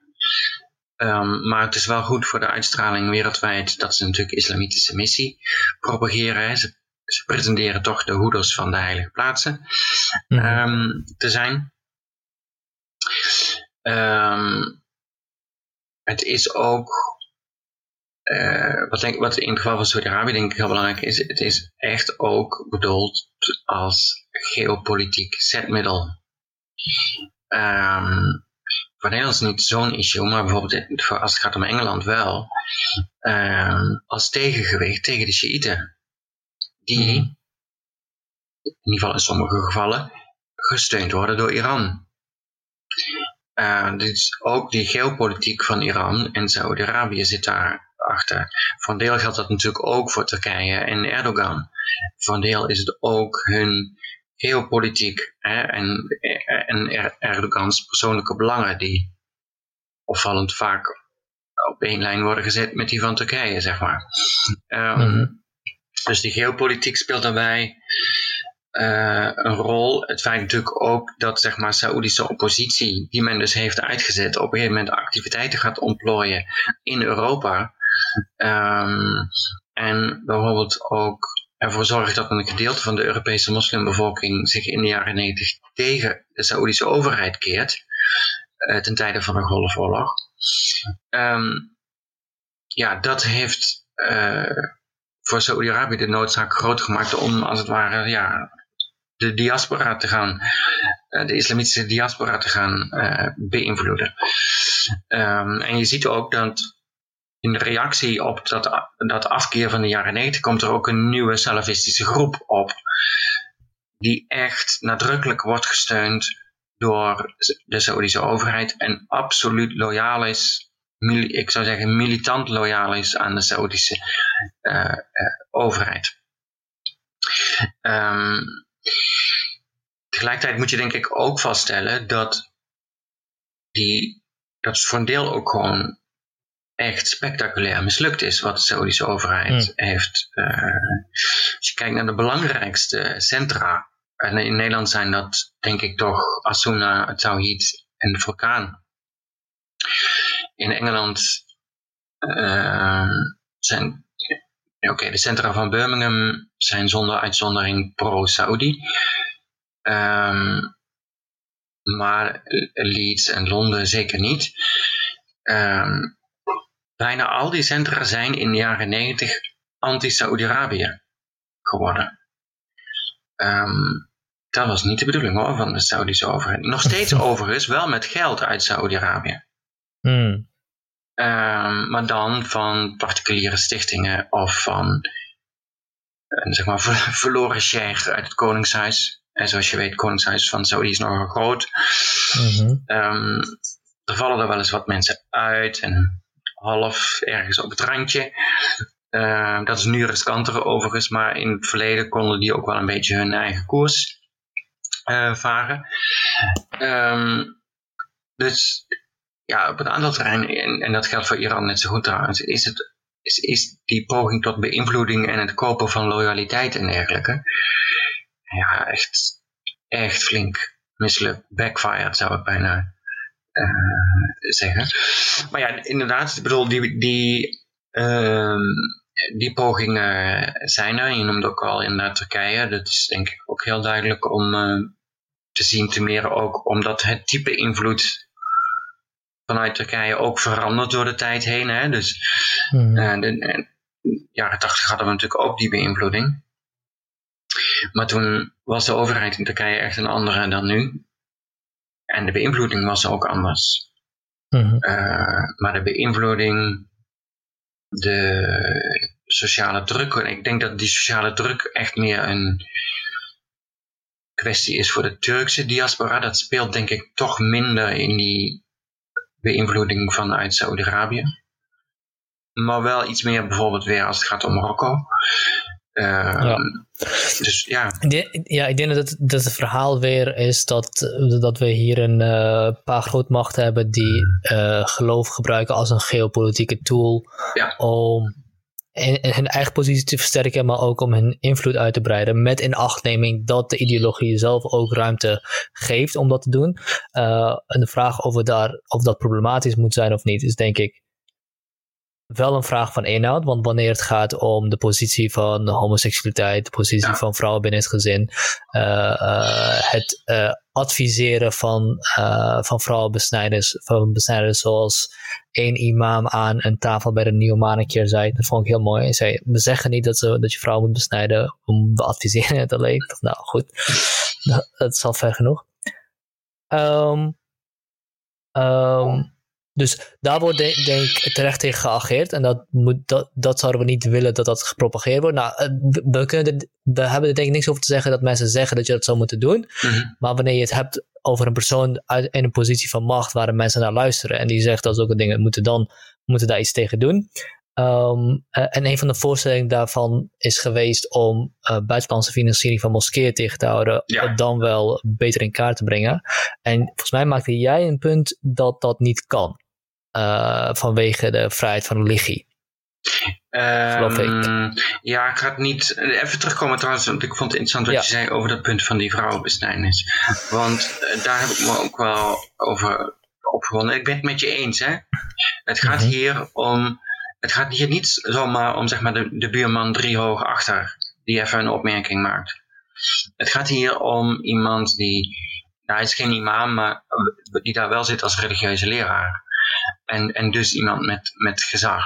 En dat is ook meegenomen door de rechter. En dat, snap ik ook. Ik vind dat ook een terechte opmerking. Tegelijkertijd is het, ik vind het ook een, ik vind het echt een verbijsterende kwestie omdat het, en dat was al toen ik het, ik had het al gezien voordat het bij Nieuwsuur eh, kwam. En ik dacht, ja, maar dit staat gewoon haaks. Ik snapte hem ook echt niet. Dit staat haaks op wat de moskee, intern en extern, al 15 jaar lang verkondigt. Hmm. Zijn moskee. Ja, uh, toen, ook, ook, toen imam uh, Fawaz er nog bij was in ja, de moskee. Het is goed om de situatie kort uit te leggen waar we het precies over hebben. Ja, dus er was op een gegeven moment natuurlijk een... Uh, nou ja, de, de, ophef begon met de uitzending van Nieuwsuur en de publicatie van, van NRC. Waarin dus werd gevonden dat een leraar bij de Asuna moskee bij de, de online lessen les gaf over vrouwenbesnijdenis. En even uit mijn hoofd, aankwam met het standpunt dat het vanuit islamitische traditie gezien aanbevolen is. Um, en toen dacht ik al, ja, oké, okay, dat punt snap ik, dat, je, dat kun je inderdaad maken als je de overwegingen van de wetscholen meeneemt. Maar dit is niet wat de Asuna Moskee zelf als standpunt hanteert. Zelf zegt men, nee, wij adviseren. Dat, dat is de boodschap van imam Fawaz, die daar dus jarenlang geweest is. En ook daarna, binnen en buiten de moskee. Nee, geen vrouwenbesnijdenis. Er zijn islamitische standpunten over. Ons standpunt is, wij doen daar niet aan. Wij werken daar ook niet aan mee. Um, dus ik snapte hem ook echt niet waarom dit nu in één keer uh, uh, werd verteld. En in die zin was het was ook niet raar dat ik zelfs vragen kreeg van bezoekers van de moskee. Van wat is nou het standpunt van de moskee? Ja, nou weet, nou weet ik het ook niet. Um, dus, en kijk, dat daar ophef over, over gediscussieerd is, dat zelfs voor de rechter uh, geweest is.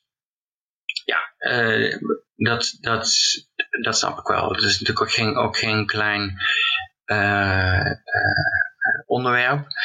Eh, en zelfs niet als je stelt dat je inderdaad vanuit islamitische tradities, want dat kan, kunt stellen van oké, dit is volgens de islamitische traditie aanbevolen. Ja, daar kun je het niet bij laten, want dan gaat het, het gaat dan, wat er aanbevolen is, is ook nog eens een keer een hele specifieke nou, leg, leg maar eens uit hoe dat in elkaar, want ik weet het zelf ook niet. Maar ben, nou, nou ben ik wel benieuwd naar. Nou ja, kijk, eh, sowieso, hè, dus de, de islamitische wet en regeling heeft natuurlijk verschillende uh, standpunten. Uh, varieert van iets dat verboden is en uh, toegestaan, aanbevolen, enzovoorts, enzovoorts. En ja, kijk, in feite, zodra iemand aan een sheikh voorlegt de vraag, is vrouwenbesnijdenis toegestaan, ja of nee? En de sheikh komt met het antwoord ja dan wel nee of ergens daartussenin, dan is de kwestie van vrouwenbesnijdenis onderdeel van wet en regelgeving. Ja, zodra een, een sheikh is een, iemand in een positie van macht, die bepaalt eigenlijk, of zijn antwoord ja, maakt het tot een maakt het, kwestie van wet en regelgeving. Ja, precies. En ook al is zijn antwoord nee, dan is de islamitische regel nee bijvoorbeeld. Hè? Ja. Uh, en inderdaad, de sheikh is belangrijk, maar natuurlijk ook gewoon, hè, dus in die zin heb je ook als individuele gelovige een grote inbreng, want jij bent degene die de vraag uh, stelt. Nou, er is vanuit een van de wetscholen, we hebben er in de Soenitische islam vier, dus we kunnen ook nog de Shiiten erbij rekenen, maar laten we even de vier van de Soenieten nemen. Een van die wetscholen is de Shafi'i-wetschool en daarin, daar is verschil van mening. Maar er zijn islamitische geleerden die stellen het is aanbevolen. Maar dan gaat het om wat denk ik volgens de normen van de Wereldgezondheidsorganisatie valt onder de lichte vorm, lichtste vorm van vrouwenbesnijdenis. Mm valt nog steeds genoeg over te zeggen hè, als het gaat om autonomie, zelfbeschikkingsrecht. Uh, ja, het is een lichte vorm van verminking. uh, ja, um, en um, dat zou aanbevolen zijn. Um, en dat geldt dan met name in uh, stukken van Egypte waar het inderdaad ook uh, voorkomt, hè, maar ook in sommige andere islamitische uh, gebieden. Um,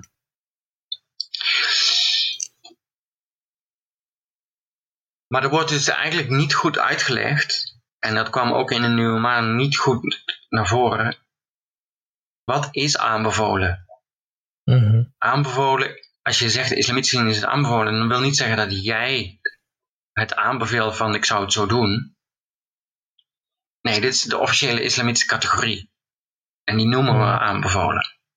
En de Azuna moskee heeft gezegd, ja, er zijn islamitische geleerden die zeggen dat het aanbevolen is en wij doen er niet mee, punt. Um, dus je kunt hem naast je neerleggen. En dat kan eigenlijk in de Nederlandse context vrij ongestraft. Natuurlijk, als je in, in die groepen zelf zit, dan heb je te maken met sociale druk en de gewoontes enzovoort. Um, dus ook, ik bedoel, ik vind ook echt vanuit, ook vanuit islamitische kring, dacht ik ook van, ja, maar zo, als je dit al vindt,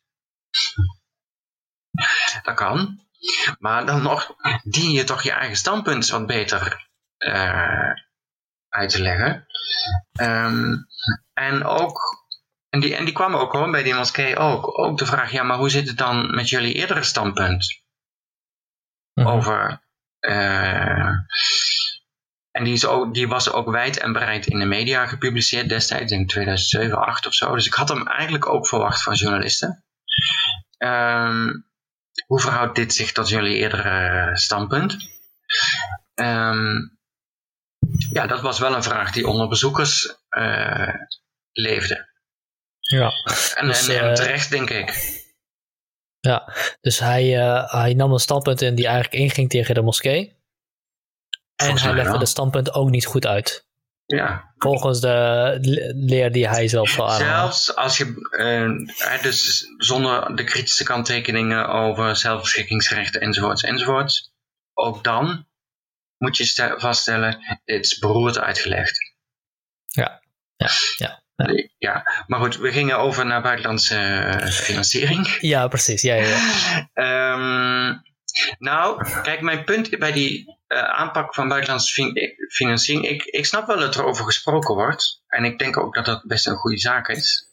En je ziet ook, nou ja, we noemden net Turkije. Uh, daar is natuurlijk ook binnen de Turks-Nederlandse gemeenschappen al, ja, het zal het zijn, jaren 80, jaren 90 al discussie over. De invloed van Turkije. Of dat nu Erdogan was, of daarvoor de militairen, of weet ik, en wat er allemaal nog tussenin heeft gezeten. Die discussie is er altijd geweest. Uh, ook als het gaat om Marokko, na de jaren 90 uh, was dat heel fel onder Marokkaanse Nederlanders. Um, ja, dus ik bedoel dat daar naar gekeken wordt. En ook dat er waar mogelijk aangesloten wordt bij discussies die er onder de, de, moslimgemeenschappen zelf leven, lijkt me een goede zaak. Maar een issue is het recht op zelffinanciering. Uh religieuze gemeenschappen, maar dat is niet beperkt tot religieuze gemeenschappen, maar op zich religieuze gemeenschappen in Europa hebben het recht op zelffinanciering. Zij mogen zichzelf bedruipen, als het ware, financieren. Natuurlijk, dat mag niet met crimineel geld. Um, maar verder kan eigenlijk heel veel. En dat is een belangrijk recht dat verbonden is aan de vrijheid van godsdienst, want het stelt die religieuze gemeenschappen in staat om onafhankelijk te opereren van de overheid of van wie dan ook. Nou ja, van wie dan ook, is altijd natuurlijk een beetje... eh, Oké. Ehm, nou, dat recht, eh, een collega van de VU heeft daarover geschreven, Adriaan eh, Overbeke. Dat recht kan ingeperkt worden. Mhm. Dus zoals alle punten van de vrijheid van godsdienst en alle andere vrijheden overigens ingeperkt kunnen worden. Dat kan ingeperkt worden, maar het moet proportioneel zijn. Ehm, het mag niet discrimine- eh, discriminerend zijn en het mag het recht op zelffinanciering niet te niet doen.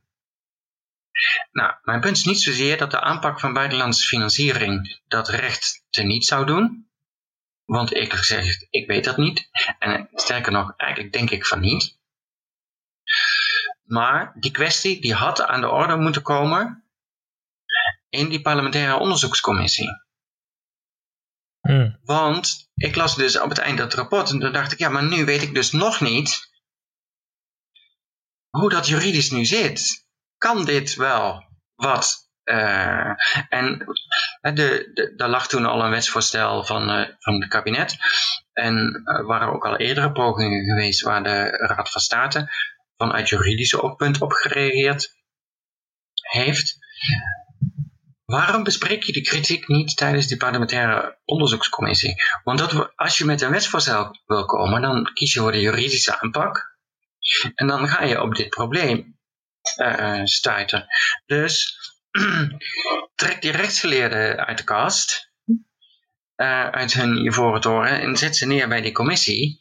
Ehm, want je kunt wel een probleem signaleren, maar je moet ook nog eens kunnen signaleren of je dat kunt oplossen. Dus ik weet niet of het recht op zelffinanciering aangepakt wordt als je buitenlandse financiering verbiedt.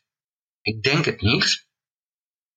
Maar ik, het is ook echt een Maar het open... Komt niet uit. Uit, die, uit het rapport kan je het nee, niet en, uitmaken, en je? dat Ja. rapport had daar antwoord op moeten eh, geven. Ja. Ehm, Ja. Want ja, wat, wat heb je anders gedaan in die parlementaire? Als je niet eens kunt laten zien of wettelijke oplossingen eigenlijk überhaupt wel mogelijk zijn. Ik denk wel dat kan. Ehm, maar ik ben natuurlijk ook geen rechtsgeleerde. Nee, Ehm, nee. En ik zal je heel eerlijk zeggen, ik had nog nooit gehoord van het recht op zelffinanciering tot ik die par- me eens ging verdiepen in die parlementaire eh, onderzoekscommissie. Ehm, en ik denk, ja, maar je hebt nu maar gewoon half werk. Eerlijk gezegd, voor een deel broddelwerk gedaan. dus die onderzoekscommissie, daar ben je niet zo tevreden over. Nee, ik ben echt diverse keren van mijn stoel eh, gevallen. Van verbazing.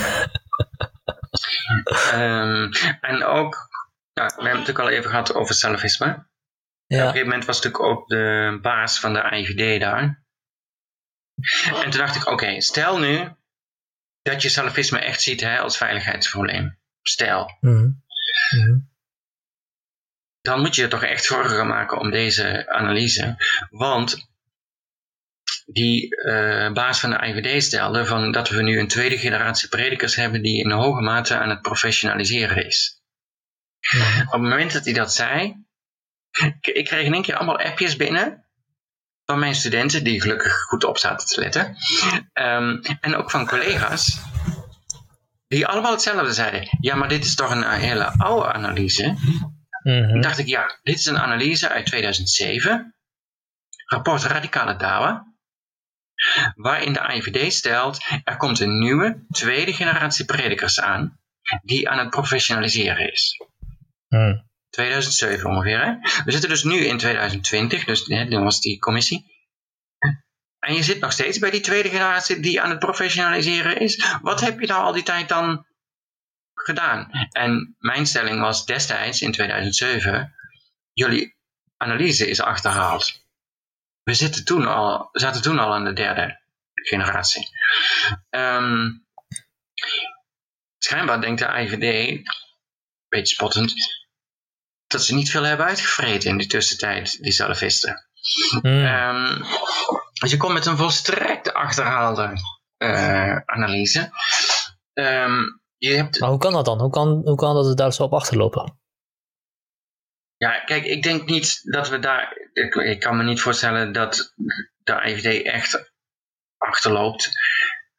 Uh, kijk, de IVD bekijkt natuurlijk salafisme vanuit een veiligheidsbril. En dus mhm. dat, uh, dat is ook niet zo raar, want dat is hun taak. Um, en uh, dat kleurt dus de analyse specifiek op dat terrein. Dat is ook verder niet zo'n issue. En ik denk dat zeg maar, die, binnen die veiligheidsbril de publicaties, zeker de wat oudere publicaties van de IBD, ook nog niet zo heel erg slecht zijn. En redelijk qua nuance.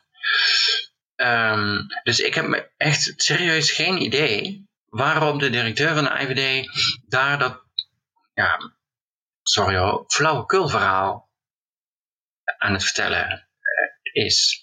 En dan heb je iets later een, eh, in dat verhoor een voorzitter die vastloopt bij de eerste serieuze uh, wedervraag van, van een van degenen die verhoord wordt van wat verstaat u onder salafisme?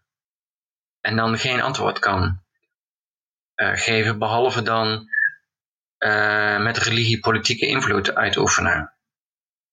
En dat is te mager. Ja, en een beetje vreemd om te horen uit de mond van uh, een commissie waar bijvoorbeeld ook iemand uit de CDA in zit of zo. Bedoel, dan is het CDA ook in een keer salafistisch geworden. Hmm. Dat bedoelen we niet, dat bedoelt hij ook niet, dat weet ik ook wel. Ja, maar als je het consequent zou toepassen, um, en is ook echt niet wat de directeur van de IVD um, verteld heeft. Um, men neemt ook uh, bijvoorbeeld in, uh, dacht, dacht NRC-stuk, maar weet ik niet zeker, er zat, zat, een fout qua datering van een, een bepaalde verklaring.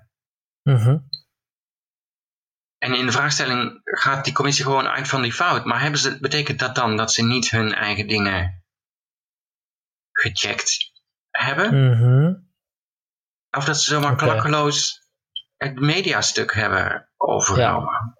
Ja, ja. ja. Oké. Okay. Nou ja, dus die onderzoekscommissie, daar, was je, daar ben je niet heel tevreden over. en de ehm, AIVD baart je ook veel zorgen over of ze wel... nou, niet wat. Niet zozeer of de AIVD kennis heeft, want ik denk dat ze heus wel kennis uh, hebben. Maar wel hoe ze in het publieke domein opereren. Ik, ik snap hier echt helemaal niks van.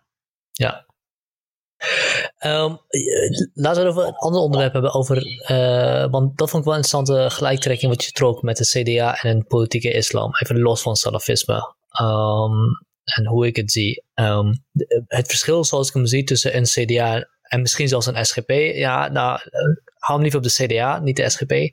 Tussen een CDA en laten we zeggen een, uh, een, een Ayatollah in Iran die ook via de islampolitiek bedrijft. Um, ik denk dat het verschil tussen die twee, en misschien is het wel een te groot verschil, maar in ieder geval een verschil tussen een politieke islam en een politiek gemotiveerde uh, partij, is dat uh, de Ayatollah in Iran vanuit de islam politiek kan bedrijven. Dus dat de islam zelf een rechtvaardiging kan zijn. En de CDA kan dat niet. Net als dat overigens NIDA dat niet kan. Ik bedoel, NIDA is misschien een beter voorbeeld, want NIDA is natuurlijk ook een uh, politiek ge islam geïnspireerde partij. Maar zij kunnen niet eh, misschien intern, misschien whatever, maar zij kunnen niet de Tweede Kamer ingaan en vanuit islamitische overwegingen, en als CDA niet vanuit het christendom dat kan, uh, politiek bedrijven. Zij moeten zich bewegen in het uh, ja, liberaal-democratische proces, laat ik het zo zeggen. Ja. ja, nee, dat is een heel belangrijk punt, want context doet ertoe. Mm um, en inderdaad, hè, dus eh, in NIDA even vanuitgaan dat ze misschien in de Kamer komen, of het CNA. Ja, je kunt best uh, met je hand op de uh, Bijbelvers of de Koranvers gaan aanwijzen, maar het maakt echt in het publieke domein en in het debat in de Tweede Kamer weinig indruk, vrees mhm. ik. Je hebt, mhm. precies wat je zegt, liberale, seculier liberale termen nodig. Dat is ook altijd een risico hè, voor religieuze partijen, dat ze daarmee ook iets verliezen natuurlijk. Ehm, en dat is, ja, nee, ik bedoel, dat is een belangrijk uh, onderscheid wat je uh, volgens mij altijd, altijd in welk geval dan ook goed voor ogen moet houden. Dus islamitische politiek mhm. in Nederland is echt iets anders dan in Iran. Of, of in mhm. Turkije of welk ander land dan ook. Dus um, ja, nee, dat is een belangrijk punt. Kijk, en, en wat denk ik vanuit het zoeken naar de verbinding, de expliciete verbinding islam en politiek interessant is, um, is het vraagstuk, en wel, daar gaat het natuurlijk ook mis in, in uh, Iran, is het vraagstuk van pluralisme. Mhm. Wat is je boodschap? Hoe ga je om met andersdenkenden binnen je eigen religieuze kringen, maar ook daarbuiten? Welke politiek als het ware ontwikkel je daar uh, voor? En uh, je ziet dat uh, en, nou, Nida doet dat op een interessante manier. Die, aan de ene kant bewegen ze zich denk ik wat in de conservatieve richting en trekken ze als het ware een soort van muur op. Aan de andere kant op tal van andere, met name sociale kwesties ook, uh, proberen ze juist bruggen te slaan naar andere uh, groepen. En bij sommige groepen is er duidelijk sprake van een worsteling van wat ze daarmee uh, moeten. Dat is denk ik interessant om te zien. Nida is echt bezig om een soort eigen antwoord te zoeken en te vinden op het vraagstuk van pluralisme. Wat voor iedere partij altijd een belangrijke kwestie is. Mhm. En, en uh, zeker ook voor religieuze uh, partijen. En nou ik denk dat een heel goed voorbeeld daarvan is, is het voorstel van hun lijsttrekker volgens mij. Of in, volgens mij was het ook wel vanuit IDA om het beledigen van de profeet uh, weer eens bespreekbaar te maken. Of je dat wel zou willen, of je dat misschien in de wet moet verankeren om dat niet te laten gebeuren. Uh, natuurlijk, uh, een verschrikkelijk slecht voorstel. Laten we tegelijkertijd ook niet vergeten dat godlastering nog geen tien jaar geleden afgeschaft is in Nederland wettelijk gezien, cultureel gezien was het natuurlijk al veel langer afgeschaft. ook wel belangrijk. Uh, tegelijkertijd wel, uh, vond ik het wel heel krom om te zien dat een eh, CDA er als een kan aan het aanvielen was, terwijl zij zelf niet voor het afschaffen van die godsbelasting waren. Goed, even terugkomen op Nida. zij, willen, zij, hij pleit dus om dat terug te brengen. maar hij doet dat dus niet vanuit een islamitische ideologie. Dat is niet zijn in ieder geval niet zijn expliciete verantwoording. Mhm. Zijn verantwoording is omdat het andere mensen schaadt of beledigt of whatever. Dat is een nogal liberale verantwoording van een uh, theologisch, theologisch standpunt. Dus inderdaad, daarin zie je ze, zie je ze iets proberen te doen, namelijk hun uh, geloof of hun uh, theologische standpunten te vertalen naar een liberale uitleg, een, een liberale taal, laat ik het zo zeggen. Ja. En dat gaat niet altijd goed, zoals bij dit voorstel. Laat ik zo. ja, maar het kan, het, ik kan me voorstellen dat het ook wel goed gaat. Ja, ik denk eh, volgens mij op, op een aantal terreinen uh, zie je dat denk ik dat het wel uh, goed gaat. Dat, dat begint natuurlijk al met hun idee van islamitische inspiratie en in, duidelijk, in, in, in Rotterdam heel duidelijk als een islamitisch geïnspireerde partij voor alle Rotterdammers. Mm. dat was toen ze net met die slogan kwamen best een waar mensen even over moesten nadenken. Um, maar daar zie je denk ik al een soort vertaalslag uh, gemaakt. Inderdaad, de, het voorstel aan zich was inhoudelijk problematisch en ook sowieso volstrekt kansloos ik vond de discussie interessant. Kijk, en, en dat is omdat, en eigenlijk precies wat jij omschrijft, dat is precies het terrein als het gaat om activisme, van welke dan ook. Dat is precies het punt waarop ik me focus. Dus hmm. hoe uh, uh, claimt een partij, een actiegroep, een soort publieke aanwezigheid? Hoe gaan ze daarbij uit van hun eigen stem? Hoe passen ze hun stem aan? Want je moet ook nog gehoord worden namelijk. Um, en, en, en het interessante is natuurlijk voor iedere islamitische club, islam is een politiek onderwerp. Mm -hmm. Dus hoe je het ook went of keert, jouw boodschap al ontdoe je hem van, denk je dat je hem van politiek ontdoet, forget it. Dat gaat je niet lukken, want het feit dat je er bent is een politiek feit. Um, je bedoelt uh, vanuit de islamitische leer of omdat je in Nederland woont? Vanuit de islamitische leer, vanuit de politieke uh, discussies die geïnitieerd ja. worden vanuit VVD, PVV en, en, en noem maar op. Ja. Um, dus um, je, je staat op het politieke menu, zeg maar. En um, hoe claimen die groepen dan een politieke stem aan de tafel in plaats van alleen maar op het menu? Um, dat is dus een beetje waar ik uh, naar probeer te kijken. Anida is inderdaad een interessant uh, uh, fenomeen. En kijk, ja, dat wetsvoorstel, ja. Kijk, sowieso ook natuurlijk dat men, zelfs al zou je een wetsvoorstel tegen godslastering serieus nemen, dat gaat niemand doen in de Kamer, maar stel, um, dan nog kan dit niet. Um, want deze is specifiek gefocust op islam. Je kunt geen wetsvoorstel voor godslastering maken dat alleen maar uh, de islam in bescherming neemt. Sterker nog, dat was een van de problemen met de oude wet. Daarbij was onduidelijk, geldt die nou alleen voor het christendom? Of geldt die ook voor andere religies? Het is verder nooit uitgeprobeerd, dus we weten het niet. Maar aan de formulering en de jurisprudentie kon je het ook niet halen of die inderdaad wel van toepassing was op andere religies dan, dan het christendom. Ja, dat kan natuurlijk niet. Je kunt geen, uh, niet één religie in bescherming of één levensbeschouwing in bescherming uh, nemen. Um, maar goed, ik bedoel, de discussie was een interessante, uh, vond ik. En inderdaad ook ja, kijk, je kunt natuurlijk wijzen op een zekere hypocrisie bij CDA en laten we wel wezen ook bij andere partijen. Die dan eh, er schande van spreken dat ze zelf toch ook lang hebben vastgehouden aan die wet op de godslastering. En laten we wel wezen, ook een VVD daar niet altijd even principieel in is uh, geweest natuurlijk. Hè. Um, maar ik, ik vind het dan ook wel interessant om te kijken van ja oké, okay, bedoel het is zeker met twee maten of hypocriet net hoe je wil noemen. Maar wat is dan ook, ik ben ook echt wel serieus oprecht misschien, wat is dan hun redenering? Wat is hun overweging om zo te reageren? Zij kennen ook wel hun eigen geschiedenis, toch? Met betrekking tot godslastering. Ja, ja, ja, ja, ja, ja, um, waarom reageren ze dan zo als ze ik heb geen idee, maar dat vind ik interessant. Ja.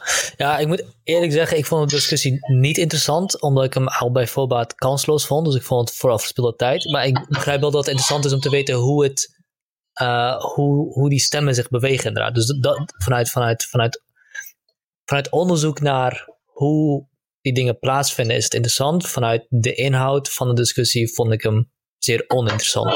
Uh, maar de vraagstuk inderdaad, waarom reageren ze zo fel? Dan moet ik meteen denken aan hoeveel uh, de VVD en Grapperhaus reageerden op, de, uh, op die rellen van, die een week duurden. En hoe snel ze eigenlijk klaar stonden met te zeggen, we gaan hier geen verklaringen voor zoeken. En dit zijn verschrikkelijke mensen en het moet gewoon stoppen en bladibladibla. Nou, dat is natuurlijk een, ja... dat is natuurlijk eigenlijk gewoon duidelijk maken, ik heb hier niks mee te maken. Het ligt niet aan mij. Ik heb niks gedaan waar, waar het, eh, waartoe het nu hier naartoe kan leiden. En ik zorg dat, daar, dat die afstand alleen maar groter wordt door heel hard en heel hard op te treden. Ik zou denken dat zo'n CDA met dezelfde redenatie dat, dat doet. Denk ik, denk ik. Eh, omdat het gevaar loopt dat zij daarmee zelf ook mee uh, verbonden worden. Van hé, hey, wacht eens even, waren jullie niet hiervoor? Moet je heel. uh, uh, moet jullie heel, moet, je dan heel sterk, heel duidelijk maken dat je op geen enkele manier hier ook maar iets van wil weten. Dat, dat wat ik denk. En ja, uh, en natuurlijk uh, los van het feit dat ik zelf ook heel kritisch ben op standpunten binnen de islam, ben ik niet bang ervoor. En ik denk dat er genoeg mensen wel zijn die er bang voor zijn. Uh, en daardoor ook heel snel reageren alsof dat, dat, dat dan in de islam erger zou zijn als je daarvoor godslastering zou zijn dan als je vanuit de christelijke overweging hebt. Ja. Uh, dit, dit, wordt, dit wordt schimmig wat ik nu zeg, maar... Uh, ja, nee, maar ik, ik, snap je punt wel. Ik vind eigenlijk, ik, daar had ik niet zo bij nagedacht, maar ik, vond, ik vind eigenlijk je, je punt over die... Um, rellen. En, en, Ja. en, en. Dat vind ik Dat denk ook- ik wel. Ja, want ik dacht toen ook, hallo, ehm, mensen mogen na negen uur niet meer naar buiten. Je moet anderhalve meter afstand houden. Als je dat een jaar geleden of twee jaar geleden had ingevoerd, dan hoop ik inderdaad dat er rellen waren uitgebroken. Want dat is een enorme inperking van je vrijheid. En ik snap wel, we hebben een pandemie, we moeten met z'n allen iets doen. Maar je denkt toch zeker niet dat mensen op een gegeven moment is het op voor Hm. veel mensen. En dat moet ook ergens. Ik bedoel, neem, neem jongeren ook op dit moment. Tieners. Ik bedoel, ik zie het aan mijn eh, neef, hè, die is nu net 20. Alles wat leuk is, is dicht. Mhm. Ehm, hij heeft dan gelukkig nog zijn werk. Dus dat is mooi. Maar voor degene die school zijn, sommigen zijn al een tijd niet meer eh, naar school geweest. Ik, eh, de, het kind van een van mijn vrienden, die is 16. Die is echt al een jaar niet meer naar school eh, geweest. Omdat haar ouders in de kwetsbare categorie vallen. Mhm. En dus blijft ze al een jaar min of meer verplicht in, in quarantaine. Ja. Ehm, uitgaansgelegenheden zijn ehm, dicht. Voordat die winkels dicht gingen, spraken ze af in de winkels om bij elkaar te komen en dan, en dan wat te hangen en te kletsen. Tot grote Ja. ellende van het winkelpersoneel natuurlijk. Uiteraard. maar die winkels zijn nu ook dicht, dus dat gaat ook niet meer. Je mag ook weer niet met z'n allen op een bankje gaan zitten. want Dan komt half jongerenwerk en de BOA langs. Ehm, er is ook werkelijk waar helemaal niks aan. En ehm, dan inderdaad stellen, ja, eh, we zijn niet geïnteresseerd in oorzaken. in sociologie. Ja, maar dat, we hadden net over plu- plu- pluriformiteit. En, want het, het punt is meer van. Het punt is ook wel van. Ja, als je winkels gaat plunderen en dergelijke, dan ben je tuig. Daar ben ik, daar ben ik het mee eens. Maar wanneer je zegt het is alleen dat en niks anders, dan, heb je, dan, ben, je, dan ben je iets aan het verduisteren. Ja, In mijn denk- opzicht. Ja, nee, daar ben ik met je eens. Ehm, even kijken. Zullen we nu eindelijk eens naar die tweet gaan? Ja, dat zat ik net te denken. We moeten het nog over die tweet hebben.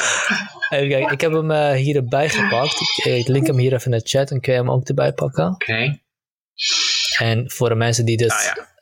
z- luisteren, zal ik het even voorlezen. Eh, het ging dus om een tweet van Splinter, eh, waarin staat religieuze uitingen die anderen in hun vrijheden beperken, mogen niet getolereerd worden. Nou, laat ik even als bij voorbaat zeggen dat ik denk dat, dat ik niet met deze formulering eens ben. Want religieuze uitingen die anderen in hun vrijheid beperken, dat, ik denk niet dat dat kan. Mhm. Ik zie het niet gebeuren. Mhm. Dus, eh, maar wanneer het iets wordt van inderdaad een imam die zegt uh, eh, is aanbevolen, dan wordt het meer dan alleen maar een uiting, dan wordt het een advies. Mhm. Uh, dus daar is ook wel een groot verschil tussen te maken. Mhm. Nou, er staat daaronder, Splinter pleit voor betere bescherming van geloofsverlaters, eens verbod op oproepen tot gebed in de openbare ruimte. Nou, uh, daar ben ik het niet helemaal mee eens. Uh, stoppen met financiering van gebedshuizen vanuit onvrijheid. Nou, daar hebben we net een hele discussie over gehad. Ik denk dat het goed is als we daarnaar kijken, maar je hebt helemaal gelijk. De juridische onderbouwing is te schaars. Mhm. Um, en dan staat er een plaatje, beschermen van vrijheid. Uh, als homofobie, geslachtsongelijkheid en geloofsdruk een vlucht nemen, leidt dat tot afname van gelijke kansen en verlies aan levensgeluk. Daar sta ik helemaal achter wat hier staat. Mhm. Het seculiere systeem in de samenleving moet verstevigd worden. Daar sta ik ook helemaal achter. Nou, jij, jij gaat daarop in. Mhm. En je hebt er kritiek op met, uh, met uh, deze woorden. Islamofobie wordt zo langzamerhand verborgen onder een dunne laag van ideeën over vrijheid. Een schabloon om je te profileren als volvechter van secularisme. Op een manier die toch vooral moslims zal raken. Echt onderscheidend werkt dit niet meer. Waarom dan toch doen? Mhm. Uh, dus de, het verwijt hier die jij maakt is dat dit vooral uh, moslims zal raken. Mhm. En dat dat, dat, dat dat problematisch is. Dus ik reageer daarop met iets waarvan jij het niet mee eens bent. Mhm. Uh, als je stelt dat voorstellen om ongelijkheid, homofobie en geloofsdruk aan te pakken vooral moslims raken, zeg je daarmee ook dat vooral moslims zich hier schuldig gaan maken? En als dat zo is, is dat dan reden om die dingen niet aan te pakken? Mhm. Uh, en daar was je dus niet met, mee eens met mijn karakterisatie van wat je zegt. Nee, precies. Uh, ja, stel. Uh, Ja, dank. Ehm, kijk, nou ja, eh, wat niet wil zeggen natuurlijk dat je geen kritiek kunt hebben op mijn tweet, want dat kan wel zeker. Kijk, en een van de dingen die ik doe in het tweet... Ja, en ik, ja, we, we, kunnen natuurlijk verder gaan dan alleen maar dat. Hè. We hoeven niet per se alleen maar dat uit te leggen. Ik, nee, maar ik zal hem zo ook uitleggen. Hoor. Maar ik denk bijvoorbeeld een kritiekpunt die je echt wel kunt hebben op mijn tweet, als ik die dan ook zelf maar even mag inkoppelen, ja. Ehm, is dat ik... Je zou kunnen stellen dat ik eigenlijk net doe alsof uh, Splinter uh, hier niet echt in gelooft. Maar mhm. eigenlijk dit doet om stemmen te trekken. Ja. En um, dat is in ieder geval natuurlijk niet wat ik bedoel. Want ik heb inmiddels, en trouwens, ik heb ze allemaal bekeken, al die verkiezingsprogramma's. god, god, god. Ja, dat dacht ik ook tijdens het lezen. Um, en dat van Splinter vind ik wel, er was wel een triggerend uh, verkiezingsprogramma. Er zitten echt super interessante dingen in. Uh, met name ook de, de LHBTI-paragraaf is echt indrukwekkend, uh, vind ik. Dat is ook echt volgens mij een goed doordachte mm. paragraaf. En ik denk dat het als het gaat om religie minder goed okay. doordacht is.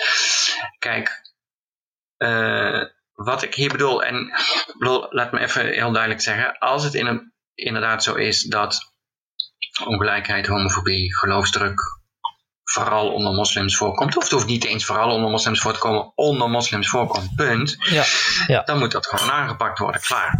Ja. Um, dat is volgens mij uh, vrij helder, maar mocht dat niet helder zijn, dat is dan in ieder geval mijn standpunt. Ja. Alleen wat mij opvalt, als ik dus al die verkiezingsprogramma's bekijk, dan, en, en Splinter is denk ik met uh, D66, Volt, nou, Volt is wat meer van de grote slogans. Um, maar die presteren zich nadrukkelijk als een seculiere, een soort van secularistische uh, mm -hmm. partij. Mm -hmm. um, ja, en uh, Splinter gaat er nog verder in. We willen zelfs, of in het programma staat zelfs om überhaupt het, de, de, laten we zeggen, de status van geloof te veranderen naar uh, uh, vrijheid van vereniging. Ja. En niet zozeer dat je, dus het gaat nog heel, heel ver zelfs. Ja, um, ja, dat vind ik nog, misschien moeten we daar straks nog even over komen. Daar heb ik nog wel wat vragen over. Die niet per se naar jou als zeg maar ja. vertegenwoordiger van Splinter. Wat ik overigens pas een dag na die tweets uitwisseling zag. had ik had hem helemaal niet door. En uh, toen dacht ik, oh, daarom reageert Chat zo. Oh, ja, ja, ja. um, maar dan, dus nou ja, een van de manieren kijk ik van ho hoe definieert men nou een seculiere samenleving. Hmm. En uh, dan, sommige partijen doen dat expliciet in oppositie tot islam. Dus een seculiere samenleving is een islam, of is een samenleving uh, met uh, geen of heel weinig islam. Um, de, tot die categorie hoort Splinter niet, mijns hmm. inziens. Um, andere partijen doen dat um, door die kwesties op te noemen die tot nu toe in het publieke debat, politieke debat, vooral gaan over islam. Um, dus, dat geldt natuurlijk met name voor het verbod tot oproep uh, tot gebed in de uh, openbare ruimte. En ik zag ook dat Splinter daar de formulering in het programma iets heeft aangepast. Het gaat ook om kerkklokken. Het gaat ook om kerkklokken, behalve als kerkklokken de tijd aangeven. En uh, hmm. toen dacht ik wel gelijk, oh, maar jullie zijn ook echt zo seculier. um, want, want de gebedsoproep, de islamitische gebedsoproep geeft ook een tijdsaanduiding aan. Aha, dat klopt. Ja, ja, het is tijd gelijk. om naar het gebed te gaan. Ja, en, en, en, en uh, wat ik weet is dat is in Koeristan ook het gebedstijden ook uh, als dagindeling gezien worden. Dus Asser en dergelijke is, is een bepaalde tijd en dat verandert door. Ja, dat is een goed punt. En, en ik weet bijvoorbeeld ook van, uh, zeg maar, uit een soort van islamitisch geïnspireerde therapie, hulpverlening en dergelijke. Dat ze mensen proberen en hoef je het nog niet eens uit te voeren, maar dat ze mensen proberen het ritme van het vijfdaagse gebed aan te houden. want een van de problemen waar mensen dan mee kampen is dat ze geen dagstructuur, geen dagritme uh, hebben of dat ze dat lastig vinden. En dat geeft natuurlijk een fantastische indeling aan de dag, hoewel ik wel vind dat het eerste gebed vrij vroeg uh, is, maar dat is dan meer, meer mijn ding. En dus zeg maar de dingen die dan hier genoemd worden in de punt van Splinter is dus stoppen met financiering vanuit gebedshuis vanuit onvrije landen. Um, nog even afgezien van feit niemand weet wat een onvrij land is, maar de discussie en ook de POCOP-commissie, we hebben het erover gehad, gaat grotendeels over islam. Betere bescherming van geloofslaten, dat punt staat op de politieke agenda en terecht overigens, um, sinds we weten dat mensen die de islam verlaten op behoorlijk wat problemen kunnen rekenen.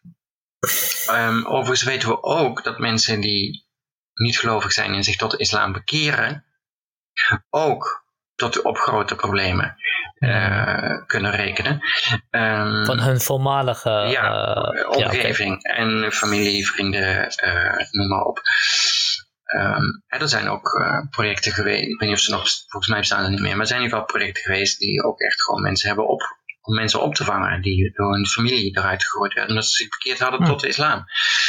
Um, dat heeft nooit bijgedragen tot een discussie over geloofsverlating of geloofsbescherming uh, of iets dergelijks. Dus hoewel de punten die je noemt dus best heel serieus zijn of kunnen zijn, zijn de punten allemaal direct of indirect in relatie tot islam.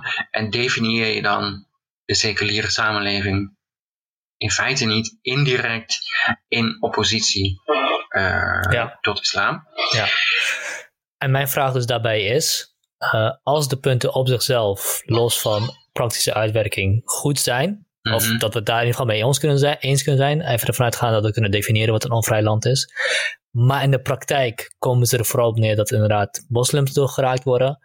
Is dat een probleem van die punten of is dat een probleem in de moslimgemeenschap?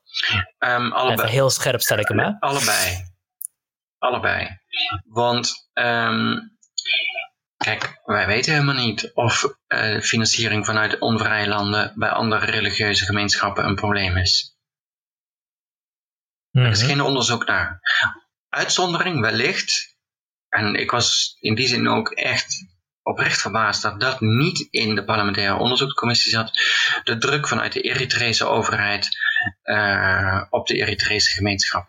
Hier mhm. die ook deels loopt via de kerken. Um, is al een paar keer ook in het nieuws geweest. Daar is ook, in, ik weet niet van Nederland, maar in ieder geval internationaal onderzoek naar. Dat wordt niet uh, meegenomen. Maar voor de rest, ja, weten we eigenlijk helemaal niet. Uh, geloofsverlating. We weten denk ik zeker dat dat, zeker binnen sommige moslimkringen, een, een, echt een serieus probleem is. Um, hè, dus in, in, Nijmegen, mijn collega Maria Vlieken is ook gepromoveerd op uh, mm. verhalen, een vergelijking tussen verhalen van de geloofsverlaters van, uh, vanuit islam uh, in Engeland en, en Nederland. Um, en de oproep tot gebed, um, ja, Ogarm, de kerken. Dan moeten ze dadelijk hun kerkklokken inleveren omdat iedereen het gebedsoproep van de moskeeën zat is.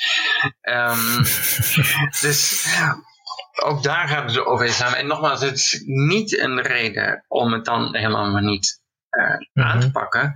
Maar in feite, we kunnen niet stellen dat het onder die groep uh, meer voorkomt. Of nou, wellicht als het gaat om homofobie dat proportioneel meer voorkomt, dat zou kunnen.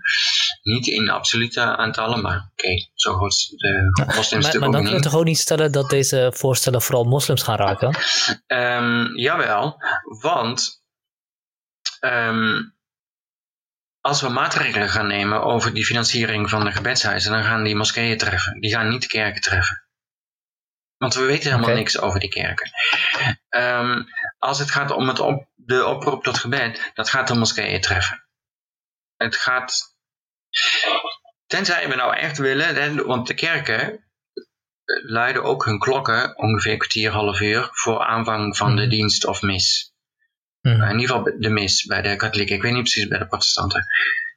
Oké, als we die uh, gaan doen, dan, dan zal het wel. Ze luiden ook de klokken als er sprake is van een noodsituatie. Mm ze leiden ook ja, op andere bijzondere gelegenheden. De, laten, we het, uh, laten we het focussen op, uh, op die uh, financiering en op die geloofsverlaten. Die zijn denk ik twee, twee meest interessante. Ja. Want die kerkklodden, of dat oproep tot gebed, daar ben ik ook niet voor om dat, om dat van bovenaf te gaan verbieden. Ik denk dat als het gaat om de publieke ruimte en gelovigen zijn onderdeel van de publieke ruimte. Dus zij hebben ook een recht op een bepaalde vorm van de, op een bepaalde manier op die publieke ruimte. Dan zou ik het het liefst aan de buurt overlaten. En nou ja, vijf keer per dag oproepen tot, met een azaan.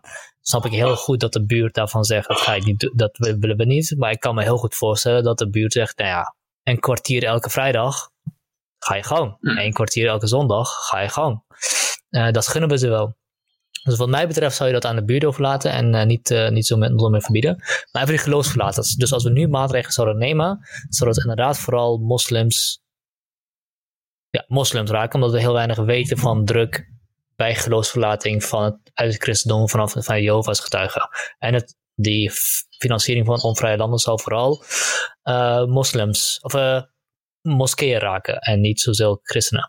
Maar wat ik dan hoor is niet wat ik dan hoor is juist zeggen dat, dat je dat, wat ik dan hoor is een pleidooi om te zeggen, maar goed, prima dat we dit doen, maar we moeten dan ook goed gaan onderzoeken hoe het bij kerken zit.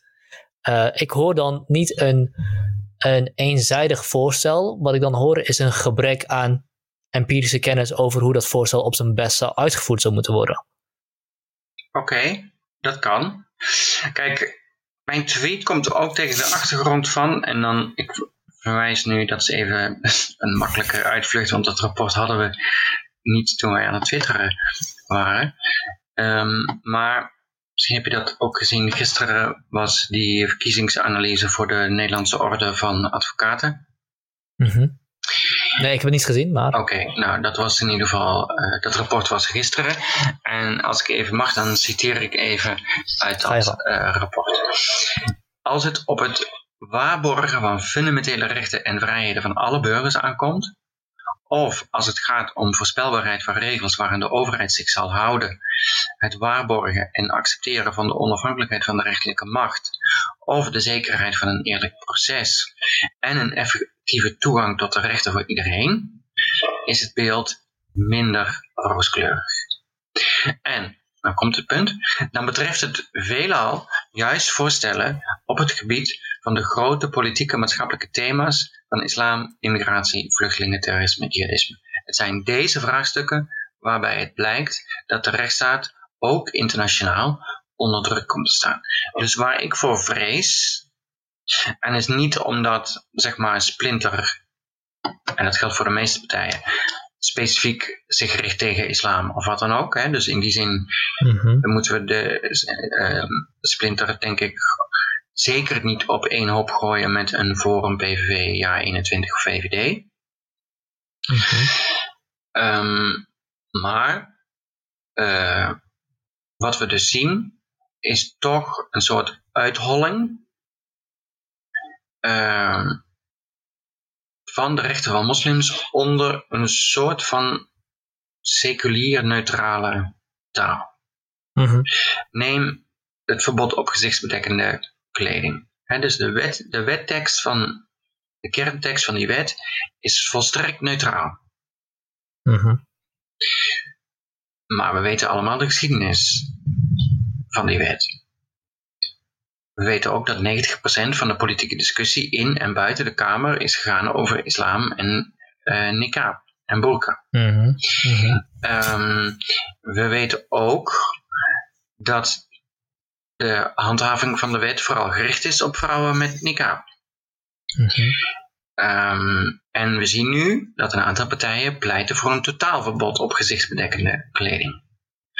Ehm, Mhm. Wat eigenlijk zeg maar het argument dat dit het huidige deelverbod niet specifiek gericht is op moslimbrouwen vrouwen natuurlijk werkelijk volstrekt ongedaan Mhm. maakt. Ehm,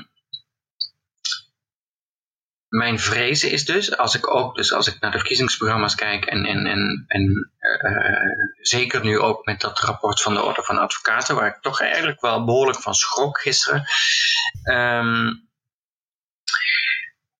dat we langzaam maar zeker bezig zijn met een soort uitholling van de burgerrechten in relatie tot kwestie van islam en eh, integratie en dergelijke. Dus die kwesties waarvan dus die orde zegt van met name daar gaan partijen verder dan wat de rechtsstaat toelaat.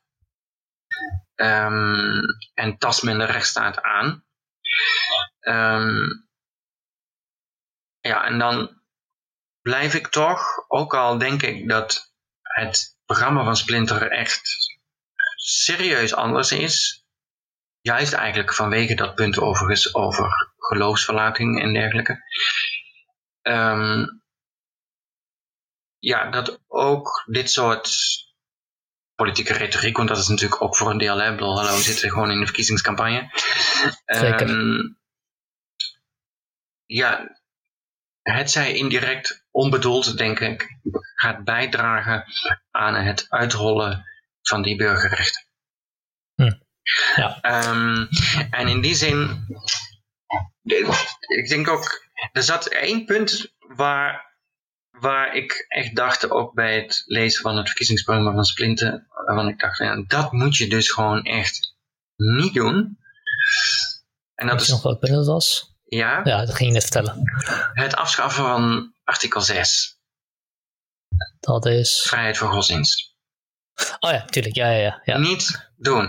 En, toen, en volgens mij kwam, Ja, kwam eh, daarna het punt over het beschermen van die geloofsverlaters. En toen dacht ik, ja, dat is een heel goed punt. En dan moet je de vrijheid van godsdienst laten staan. Oké, waarom? Omdat de vrijheid van godsdienst niet alleen garandeert dat de overheid zich met jouw religieuze uitoefening gaat bemoeien. Niet gaat bemoeien, sorry. Niet gaat bemoeien. Ja, ja.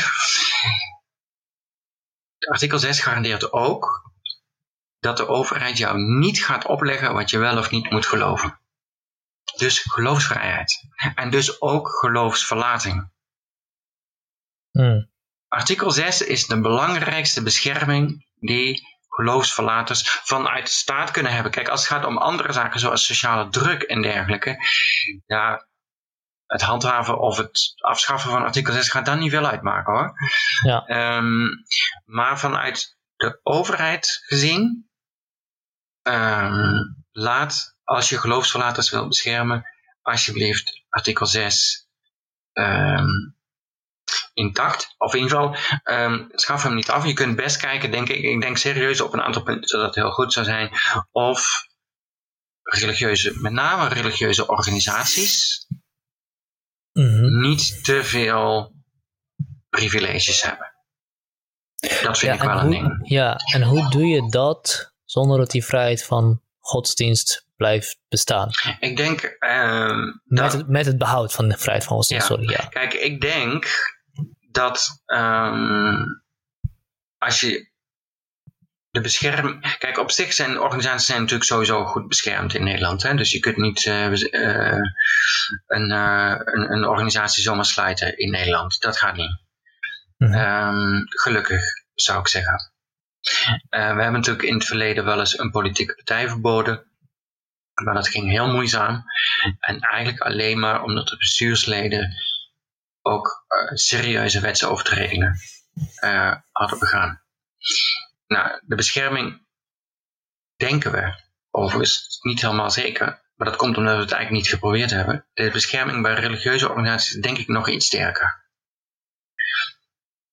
Je zou dat volgens mij best kunnen gelijk trekken op het niveau van een politieke partij bijvoorbeeld. Mhm. Ehm, misschien moet je ook eens goed kijken naar die ANBI-vrijstelling, of die ANBI-status, hè, die dus zekere belastingvrijstelling eh, geeft. wordt dat ook echt gecontroleerd? Ik heb echt serieus mijn twijfels. Um, ten meer omdat het wel, het is wel gecontroleerd in een aantal moskeeën. Mm Telkens naar politieke ophef. Welkom in Nederland. Ja. um, maar ik vind het wel interessant. Ja, maar ik vind het wel interessant dat je hier nou uh, zegt uh, het, het, maken van een verschil tussen de godsdienst en de godsdienstige organisaties. Want daar zouden dan die moskeeën en kerken ook gewoon onder vallen, toch? Ja, of de vereniging of de stichting van, die, van, de, van dat gebied. Ja, dat vind ik interessant. Want ik, vind, ik vind hem ook wel tricky hoor, het afschaffen van die artikel 6. Wel, ik sta wel achter het idee dat je uh, levensbeschouwingen gelijk trekt. Dat mhm. je niet een privilege hebt omdat je een bepaalde levensbeschouwing hebt. Daarentegen begrijp ik wel dat uh, religies zoals het christendom en, uh, en, en de islam en boeddhisme en jodendom toch wel echt van andere orde zijn dan ja, een andere levensovertuiging dan een, dan een lifestyle, laat ik het zo mhm. zeggen. Um, ik denk dat die ook wel echt de wortels hebben in, in, deze, in onze geschiedenis. Uh, dus dat ze daar wel ja, iets, iets mee kunnen. Dus het feit dat je niet als uh, aanhanger van de spaghetti monster met een uh, vergiet op je hoofd een foto mag maken, uh, vind, ik, veel te, vind ik best wel terecht. en dat je met een hoofddoek dat wel kan, dat snap ik heel erg. Um, maar tegelijkertijd denk ik dat, het, dat religies wel steeds meer dat we, denk ik, steeds meer van de mening zijn dat religie toch wel steeds meer een individuele aangelegenheid is. En dat dat niet per definitie hoeft te zeggen dat een ander jou daarin moet, moet accommoderen. Uh, of dat de staat jou daarin hoort te accommoderen, meer in hoeft te accommoderen dan een andere levensovertuiging. Um, en het verschil dat jij nu maakt met religie, religieuze organisaties en religie zelf vind ik interessant, want dat zou misschien inderdaad een beter, ah, ik weet niet of het beter is, maar het zou iets interessant zijn om te onderzoeken. Kun je niet beter inderdaad de status, de privileges van organisaties beperken, maar de, de vrijheid van godsdienst wel intact houden. Um, um, ja, daar moet ik nu echt heel hard over nadenken. Ik denk niet dat ik eruit ga komen nu. ja, nee, voor mij is het ook een open ding. Ik, ik, ik weet ook nog, ik weet niet of ik het met mezelf eens ben, namelijk. Ja, wat, wat zouden die privileges, privileges, laten we zeggen, we houden de artikel 6 intact en we gaan een aantal privileges van godsdienstige organisaties inperken. Wat zou dat zijn? Nou ja, dat zou dus bijvoorbeeld die belastingaftrek uh, kunnen zijn oh, voor, voor, voor giften. Of, of in ieder geval... Belasting betalen. Is, nou ja, zo, laat ik het zo zeggen. Het is op zijn minst niet te veel geëist, denk ik, dat die ambistatus dan ook serieus gecontroleerd wordt. En dat, uh, kijk, sommige moskeeën doen het allemaal echt super braaf en netjes. En ook sommige kerken met keurige jaarverslagen en uh, weet ik het allemaal netjes uh, geaccordeerd door de accountant. Maar er zijn er ook die er echt potje uh, van maken. Uh, kom, maak daar nou serieus werk van. Zo kun je toch op zijn minst uh, zeggen. Misschien moet je ook als er inderdaad. Kijk, we, we, weten eigenlijk niet juridisch of we makkelijk religieuze organisaties kunnen verbieden, want het is eigenlijk niet geprobeerd. Ik zal ook niet gelijk de overheid gaan oproepen om nu maar massaal processen te gaan starten. Um, maar het is wel duidelijk dat die bescherming vrij groot is. Dat is ook een reden waarom het amper is geprobeerd. Nou, mm. misschien op een aantal punten zou dat denk ik verstandig zijn. En tegelijkertijd voel ik er ook niet al te veel voor om te stellen, ja, maar dan hebben we genoeg aan de vrijheid van organisatie. Dan is het ook geregeld. Want juist bijvoorbeeld een gebedsoproep valt niet onder vrijheid van meningsuiting, valt niet onder vrijheid van organisatie, uh, valt deels onder openbare manifestaties en deels onder de vrijheid van godsdienst. En, is, en in die zin is het ook is, is het privilege zeg maar ook een soort wetstechnisch dingetje. Het staat op gelijke voet met demonstraties. Dat is de wet, wetstechnische kant die men gekozen heeft. Nou ja, demonstraties kunnen we ook niet zomaar verbieden, weten we inmiddels. Um, wel inperken overigens. Um, dus, um, nou oké, misschien moeten we daar iets op gaan verzinnen, maar maar zo heel raar dat een openbare gebedsoproep en demonstratie min of meer zijn gelijkgesteld, vind ik eigenlijk ook niet. Ehm, kijk, en op zich, een gelovige religieus persoon heeft natuurlijk niet per se het recht om je religie maar overal openlijk te beleiden. Maar iemand anders heeft ook niet het recht om geen religie te zien. Of geen overlast. We mhm. hebben ook geen recht om geen overlast te hebben. Dat recht hebben we niet. En dat is maar goed ook. met geluidsoverlast? Dat mag, tot op zekere hoogte.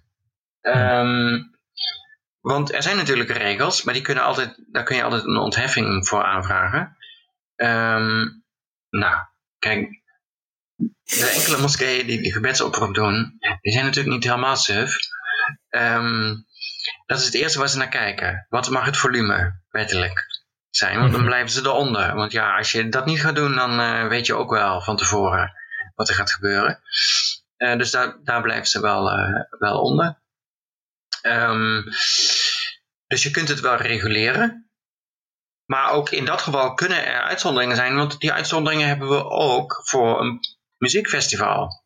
Mm En dus um, bij mij in de buurt zijn er twee muziekfestivals. Die zitten echt, ja, het zal het zijn, 10 kilometer van mij af. Die hoor ik heel goed. Van één heb ik echt overlast en de ander niet. En dat komt omdat van de één is gewoon teringherrie en de ander is gewoon keigoede muziek. um, in Nijmegen? In Nijmegen? uh, Welke festivals bedoel je? Dus, um, nee, in, in, uh, in Os waar ik woon. Oh, oh ja, oké. Dus, um, die andere is gewoon teringmuziek. Dus daar heb ik overlast van. Maar ja, dat is zo geregeld, klaar. Nee, goed, ja, nee, goed, ja inderdaad. Die, die daar, daar, daar, is, daar, daar, is, daar is nog veel over te zeggen. Um, en zoals ik al zei, ik denk dat dat... Ik denk als je zegt dat openbare, openbare ruimte van iedereen is, dat, dat, dat je niet eruit kan, de gevolgtrekking kan trekken, dat dat, dat dan verboden moet worden. Dan moet je het eigenlijk aan de buurt overlaten. En dat, dat, dat, zeg maar, zoiets zeg je in principe ook. Ja. Kijk, van, van iets heb ik last en van andere geluiden heb ik geen last. Ja, en dat voor de rest van de buurt in, in veel gevallen gebeurt... We hebben natuurlijk nu, nu even dat, die, die issue met die moskee in Zwolle, geloof ik. Als Zwolle, mhm. denk ik. Die uh, de bevolking verrast had met uh, viermaaldaagse oproep tot gebed. Um, zonder de buurt in te lichten. Oké, dat is niet zoals de meeste moskeeën doen. De meeste moskeeën, ik heb uh, nou ook bijvoorbeeld die, dat uh, van de Blauwe Moskee in Amsterdam uh, gevolgd. Ik ben ook bij die buurtavonden geweest. De meeste moskeeën, die doen dat. Iedereen, ook de Zolse moskee, ziet dan af van het eerste gebed. Want ja, dat is wel wel vrij vroeg.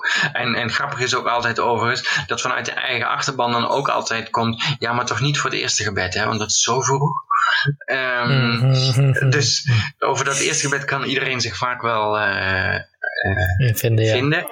En um, ja, de meesten doen dat in overleg. Met, en, en dat is ook heel verstandig, denk ik. Ja, nou, laat het ook, laat het ook hebben over uh, het gevaar die er is wanneer je, uh, oh, het gevaar die er is dat we rechtsstatelijke, onrechtsstatelijke voorstellen doen die eigenlijk burgerrechten uithollen, omdat we binnen de islam een paar dingen zien die we het liever niet willen hebben en daardoor algemene wetten maken die, die vooral uh, moslims raken. Mm -hmm. um, over die niqab niqab en hoofddoek vind ik, vind ik echt een heel lastig. Niqab, laat ik het even, zo, laat ik het even bij de niqab. Want een hoofddoek, dat tot daaraan toe. De niqab vind ik iets wat je eigenlijk niet wilt in een samenleving. Mhm. Eh, het, uh, het leren van vrouwen dat zij zich het beste kunnen bedekken en dat dat een kuisheidsymbool is en dergelijke.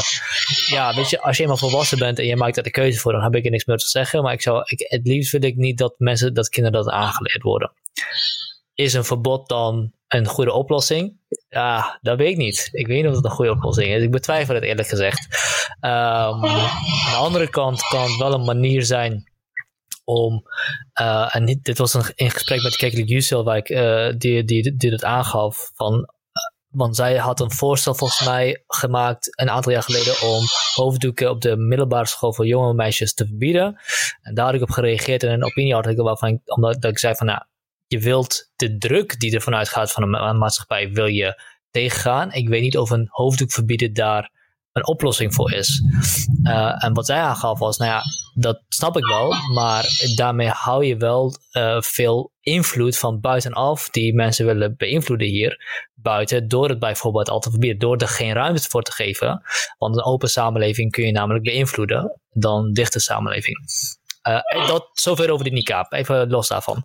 Um, um, um, er is natuurlijk inderdaad altijd gevaar dat je, dat je er vanaf valt. Hè? Dat je de, de kant op draait waardoor, waarbij je burgerrechten gaat inperken. Om maar dat je bang bent voor de islam. Omdat vanuit eigenlijk islamofobe overweging. Overigens vind ik, het, vind ik islamofobie niet per se een argument tegen iets. Want ik kan best wel begrijpen waarom mensen bang zijn voor de islam. Zeker als je niet kent. Dus uh, bang zijn voor de islam vind ik niet bij voorbaat. En uh, laten we zeggen, een, uh, een disqualificatie van iemands punt.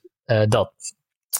Um, dat gevaar heb je altijd. Maar het gevaar van dan daarom niet de voorstellingen, voorstellingen doen waarvan je denkt dat die het beste en liberale en seculiere samenleving naar voren brengen, loop je het gevaar dat er uh, allerlei ook be, uh, voorstellen die tegen burgerrechten ingaan, namelijk uh, de propagatie van niet gelijke rechten van man en vrouw en homo, homoseksualiteit verbieden en dergelijke, ook zichzelf verder gaan propageren.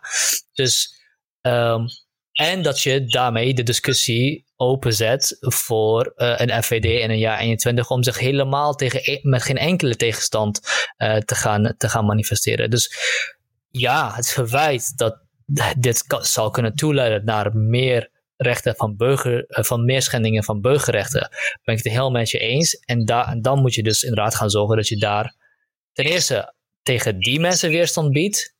Oh, maar ook tegen andere mensen weer. Dus je, moet, je bent eigenlijk van twee kanten aan het oppassen en je moet een heel tight, tight rope of uh, tight, ja, je hebt een heel uh, balanswerk die je, moet, die je moet uitvoeren.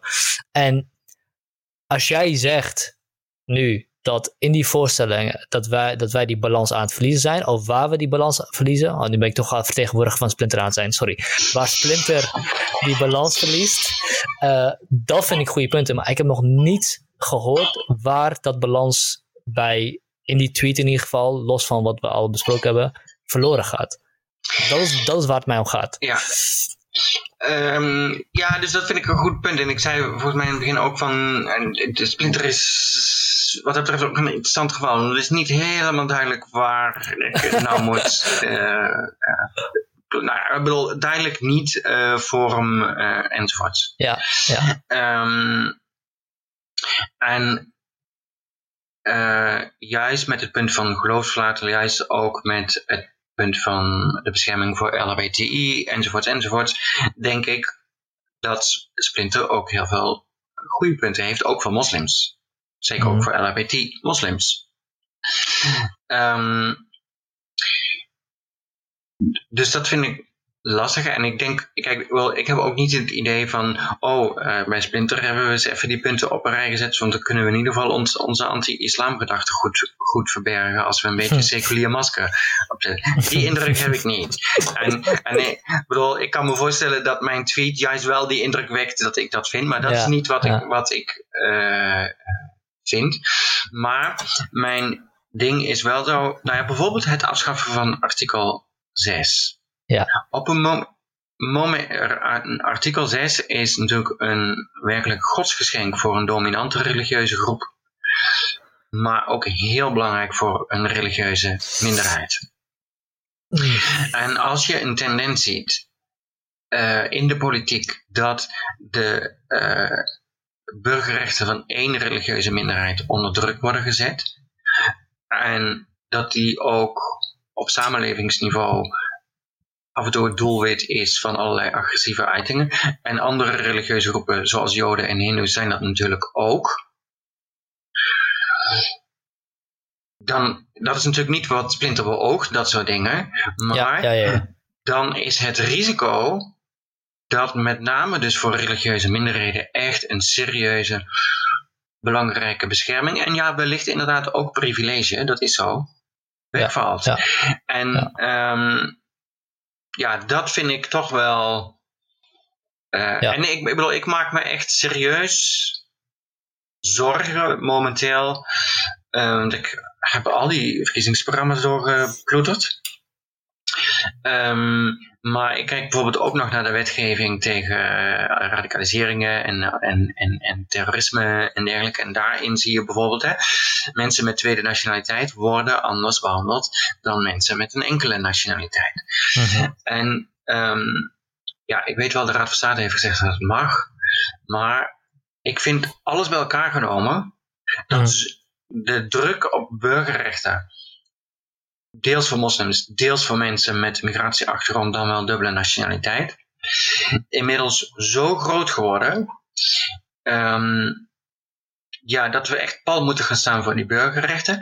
En kijk, in die zin, ik vond je tweet wel heel aardig, want ik heb er nog veel over nagedacht. En ik dacht, van, bij mij is, voor mij is het ook een soort wake-up call, jouw tweet. Mm want ik moet wel een beetje opletten dat ik zeg maar van de weeromstuit niet heel conservatief ga worden. Dat er werkelijk ja. helemaal niks meer ja, ja, kan. Uh, dus, uh, kijk, en ik, ik, bijvoorbeeld, ik, ik, ik vind echt het punt wat Splinter heeft wat betreft geloofsafval, vind ik echt heel goed. En het zou denk ik perfect zijn als daar ook expliciet in wordt meegenomen. Dit geldt ook voor mensen die zich naar een geloof bekeren. Ja, ja, ja, ja dat is een goed punt. Ja. Um, dat zou ik echt heel erg goed uh, vinden. Maar dat vind ik bijvoorbeeld een goed punt. En ik zie ook, ja, dat, kan ook, dat wordt ook misbruikt in de discussie over islam enzovoorts enzovoorts. Maar ik denk juist, ook als je dus bekering daarin expliciet opneemt, wat sowieso een goed issue is volgens mij, dan is het ook helder voor het publiek. Oh, maar het gaat ook niet om tegen de islam, want ook als mensen zich naar islam of naar christendom of weet ik wat bekeren, dan uh, beschermen we die mensen ook als die in de problemen ja. Ik vind je punt over artikel 6, wat je net aangaf, over dat het een uh, godsgeschenk is voor een grote, grote religieuze groep en ook een godsgeschenk voor, voor religieuze minderheden, vind ik heel sterk. Omdat wat we nu beseffen is, kijk, als je hem nu zou afschaffen, zou dat denk ik niet zo'n groot probleem. Maar je kan je natuurlijk voorstellen dat een SGP of een CU over uh, eh, 50 jaar uh, meerderheid krijgt. En dan uh, veel radicaler is dan nu. en dan de, zijn dus religieuze minderheden niet beschermd. Vice, ver, vice versa. Je zou je kunnen voorstellen dat een, dat een NIDA veel groter wordt en veel, veel radicaler wordt dan nu. En dus dat religieuze minderheden geen bescherming hebben. Dus als we het over checks and balances, is dat een heel belangrijke check. Eh, check and balance. Om te voorkomen dat op, dat, de, dat op momenten wanneer de situatie heel anders is dan het nu is, minderheden toch bescherming kunnen krijgen. Ja, dat vind ik een goed punt. Ja, ja. kijk, en tegelijkertijd kun je natuurlijk ook zijn, die discussie zien we ook, dan als het gaat om het onderwijs. En dus mag, mag, mogen onderwijs, uh, zijn uh, scholen vrij om uh, nou, weet ik het, bijvoorbeeld uh, kinderen die homoseksueel zijn te weigeren uh, of zo. Um, dat is een issue. En ook over burgerschapsonderwijs. en ik denk dat dat een terechte issue is om dat eens goed te bespreken. Um, en kijk, er is denk ik niet per se iets mis met scholen die zeggen, nou, beste overheid, jouw burgerschapsopvatting is niet onze. Mm Tegelijkertijd mag je ook van scholen verwachten die vinden dat islam, christendom of jodendom zegt uh, homoseksualiteit kan niet. Nou, als dat je religieuze opvatting is en je moet burgerschapsonderwijs doen, dan heb je een hele zware taak als het gaat om uh, homo's bijvoorbeeld. Want hmm. hoe zorg je ervoor, als dat jouw opvatting is, dat die zich niet onvrij voelen op jouw school? Um, en ik merk zelf, we hebben daar ook in Nijmegen op de Radboud wel bijeenkomsten over gehad met mensen uit islamitisch onderwijs en uh, christelijk uh, onderwijs en ook uh, met geestelijke verzorgers bijvoorbeeld. En um, ja, dat zijn echt hele interessante gesprekken waar nou, zeker vanuit islamitische kring en en hindoeïstische kring ook, denk ik, zeker bij de geestelijke verzorgers, daar ook echt serieus over wordt nagedacht en ook over wordt nagedacht van hoe kun je enerzijds toch ook duidelijke grenzen hanteren en anderzijds ook open en verwelkomend zijn. hoe doe je dat dan? Mhm. Ehm, en ja, ik vond bij, zeker bij de geestelijke zorg de interessante bijdragen zijn echt vanuit islamitische, joodse en, en, en hindoeïstische kringen. Waarschijnlijk ook als minderheid niet heel verrassend dat ze, zij daar het verste over nagedacht hebben. Mm Omdat zij natuurlijk aan verschillende kanten van de medaille zitten, uh, als het ware. Ehm, maar dat is denk ik een hele goede uh, discussie tegelijkertijd. En ik, ja, ik moest er ook wel om lachen. En ik zag ook bij veel moslims moesten er wel om lachen die ik sprak. Er was zo'n interview, toen was dat gedoe hè, over het wel of niet toestaan van homoseksuele kinderen op school. Waarop ik geloof de directeur van de, de reformatorische koepel of zo, die zei, ja, maar wat is dit nou? We hadden dit toch voor moslims? Ja. Hij heeft gelijk, hè? Hij heeft gelijk. Dat hele burgerschapsgedoe, is een reactie op islamitisch onderwijs. En ook op misstanden binnen dat onderwijs. Nou. Nee, maar, maar, eh, weet je wat daarmee is? Want het kan natuurlijk zijn dat de aanleiding een islamitische gebeur of uh, de islam is. Maar het hoeft niet te zijn dat dan de voorstel die je maakt dan ook alleen maar bedoeld is voor islam. Want wat, wat er kan gebeuren is dat je ziet, oh wacht even, deze groep gaat heel ver. Dat wil ik niet. Maar ik moet wel goed nadenken over wat het dan precies is wat ik niet wil. En moet ik dan niet overwegen om dingen die ik al heel lange tijd gewoon heb laten gaan, ook te gaan verbieden. Ja. Um, nee, kijk, ik vind dat burgerschapsonderwijs ook echt geen slecht idee. Um, en, en, en eigenlijk precies om wat ik net zei, als je als school om uh, vanuit welke reden dan ook bijvoorbeeld zou vinden uh, homoseksualiteit kan echt niet. Hoe ga je dan een goede plek bieden aan homoseksuele kinderen? Lijkt me een uh, goede vraag voor die scholen. Ja. Um, en, uh, en, en, dat hoort ook bij burgerschapsonderwijs. Um, en ook dat, uh, kind, dat je kinderen leert nadenken. Nou komen we een beetje terug op het punt wat we in het begin hadden. Hoe ga je om met pluralisme? Um, je hoeft echt niet alle verschillen weg te redeneren. Um, maar je moet toch wel een beetje met elkaar kunnen communiceren misschien. Mhm. Ehm, ja, dat is ook onderdeel van burgerschap. Lijkt me een heel goed idee. En inderdaad, dat is deels ontstaan vanuit misstanden vanuit islamitische basisscholen. Hoef ik weet niet al te veel over, over uh, moeilijk over te doen, want het was een beetje mosterd naar de maaltijd toen dat burgerschapsonderwijs dan uiteindelijk mhm. toch een keer kwam, want die scholen hadden al lang uh, orde op zaken gesteld. Mm En terecht overigens, want het ging ook echt niet goed in het begin. Um, en toen ik dat zo zag, ook die burgerschapspakketten, er is natuurlijk ook wel wat gedoe over geweest, van, maar van islamitische scholen zitten best aardig in elkaar. Ik dacht van, nou, dan hebben we dit aan islamitische scholen te danken. Best een goed idee eigenlijk. Ja, volgens mij, en volgens mij doen de kinderen van islamitische scholen het ook gewoon heel goed, toch? Ja, in ieder geval, uh, kijk, en, je moet natuurlijk altijd voorzichtig zijn met die cijfers. Um, ja, ze scoren goed. En uh, ze scoren hoog met CITO-toetsen en dergelijke. Of dat ook komt omdat ze een islamitische school zijn, weten we eigenlijk niet. Hm. Het kan ook te maken hebben met locatie. Wat voor wijk zit je? Wat is de samenstelling van je leerlingen en het opleidingsniveau van je ouders? Dus we zijn als het goed gaat, dan zie je wel, ze doen het goed, want het zijn islamitische scholen. En als het slecht gaat, dan zeggen we ook, zie je wel, ze doen het niet goed, want het zijn islamitische scholen. Maar eigenlijk, we weten niet helemaal precies wat dat nu uh, is. En wel een aantal interessante onderzoeken, maar die zijn meer kwalitatief van aard nu. Nou, die komen naar burgerschapsonderwijs, burgerschapsvorming op islamitisch uh, onderwijs en bijvoorbeeld de dingen die besproken worden onder, weet dat, onder de term moeilijke kwesties. Um, waar echt de islamitische scholen echt werkelijk van alles um, bespreken. Het ook af en toe wel vermakelijk wat er nu weer uh, langs komt. En ook vooral wat kinderen er dan weer van maken natuurlijk. um, dus er gebeurt uh, heel veel. Ook bij de, de reformatorische, die ook echt wel een uh, issue hebben op dit punt. Dus um, ja, ga maar lekker. Kijk, wat, waar we denk ik uh, mee op moeten lessen met, met bijvoorbeeld burgerschapsonderwijs, is dat het niet een soort uh, dat we in plaats van religie een staatsideologie gaan overdragen. Dat is ook niet de bedoeling, volgens mij.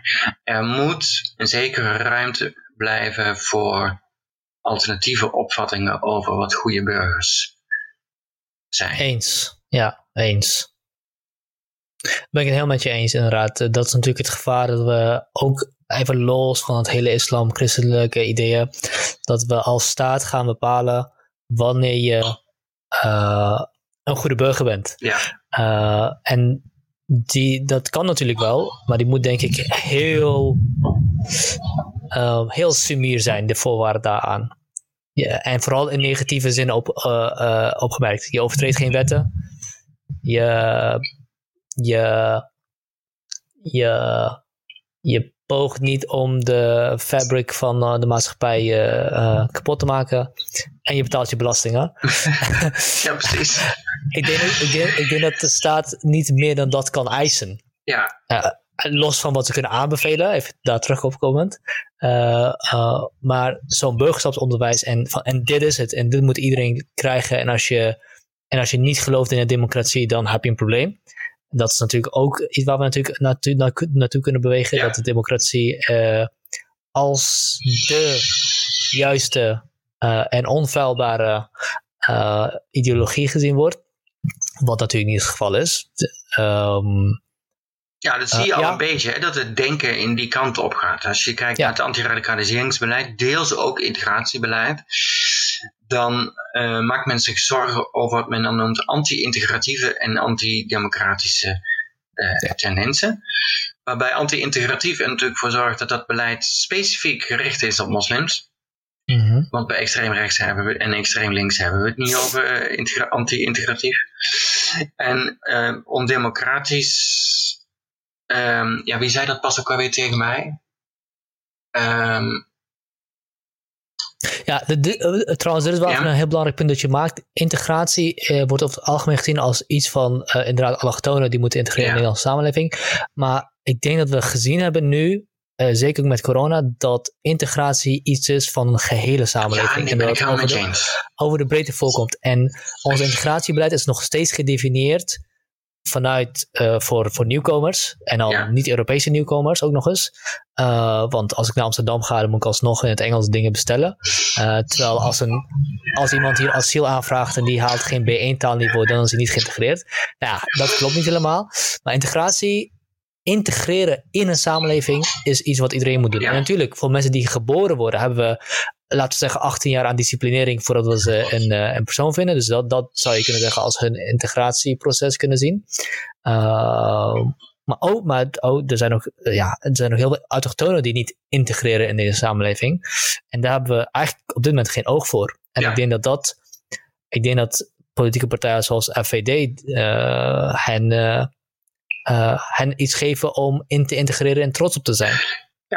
Ja, dat denk ik ook. En dat is ook duidelijk waar ze hun, uh, waar ze hun boodschappen natuurlijk op, uh, uh, op richten. En kijk, eigenlijk, um, als we het natuurlijk hebben in politieke discussies over, er is een soort wetmatigheid. Het kan niet gaan over mensen van Turkse, Koerdische, Marokkaanse, weet ik wat voor afkomst, niet-westerse afkomst. Of vroeg of laat gaat het over integratie. Meestal binnen vier minuten. Um, en dat geeft ook aan volgens mij hoe vast we in dat denken zitten. Zelfs, en ik ben het op zich wel met je eens als je zegt van, kijk ook wat we dan autochtonen noemen moeten integreren. Aan de andere kant denk ik ook, maar waar komt dat idee eigenlijk überhaupt vandaan dat, we moeten, dat iedereen moet integreren? Want als we, mensen zeggen van, hey, uh, ik betaal mijn belasting en uh, verder was ik niet van plan om mee te doen. Is dat dan een probleem? Dan zijn ze denk ik niet geen. Is dat dan een probleem? Ja, ja nee, je hebt helemaal gelijk. Ja, ja precies. Dus, uh, ja, het punt is, bij een individu zou dat geen probleem zijn. Maar het wordt wel een probleem wanneer dat een tendens is die groeit. Tuurlijk. En dan ja. uh, op samenlevingsniveau en ja. juist ook voor de belastingen. Uh, want de verzorgingsstaat moet natuurlijk betaald worden. Uh, ja. ja. nee, ik bedoel, dat zie ik inderdaad dat dat een probleem is. Um, En, maar dat roept dus dan gelijk de vraag op, ja, maar oké, dat die integratie, wie zijn we dan eigenlijk aan het redden? Dat individu? Of hebben we iets anders um, um, op het oog? En um, dat is natuurlijk hetzelfde, uh, dus we, we hebben een antiradicaliseringsbeleid, we willen de rechtsstaat verdedigen, democratie verdedigen. Oh ja, dat was met collega's inderdaad, waarop een van mijn collega's zei, ja, ja, dat gaat er natuurlijk wel vanuit dat je denkt dat je iets te verdedigen hebt. Dat je iets goeds te verdedigen hebt. Mhm. Maar wat nu als het waardeloos is? Mhm. Uh, wat nu, zei hij, als de toestand met de toeslagenaffaire. Als dat nou de normale toestand is van een democratie. Is het dan slecht om antidemocratisch te zijn? Um, en dat is natuurlijk ook interessant. Hè? Dus uh, de toeslagenaffaire geeft natuurlijk ook aan hoe groot de macht van deze overheid is. Mijn hemel, je kunt echt volstrekt platgewalst uh, worden zonder dat je maar enige verdedigingslinie over hebt Mhm. tegen de overheid. Uh, een goed punt denk ik ook van daarom dat je zegt van de overheid moet vooral terughoudend zijn hier. Um, maar ook we moeten niet zomaar klakkeloos overnemen wat de overheid precies stelt en beweert. Ja. We moeten daar kritisch op blijven. En het is de overheid die definieert wat de samenleving is en die definieert wat democratie is. En daar mogen we best kritisch op zijn of dat nou wel allemaal zo verstandig is. En in die zin denk ik of je nu salafisten dan wel jihadisten hebt of linksextremisten of rechtsextremisten. Um, hun gedachtegoed en natuurlijk hun volstrekte onvermogen om met pluralisme op een gezonde manier om te gaan. Maar zij laten ook, zij leggen ook een aantal breuklijnen bloot, zeg maar, als het gaat om de overheid. Hè. Dus neem, neem bijvoorbeeld Pegida. Hè, dus hun demonstratie is nu een paar keer gestopt, onder andere in Eindhoven bij voorbaat. Ja, omdat de burgemeester vond echt die club niet kunnen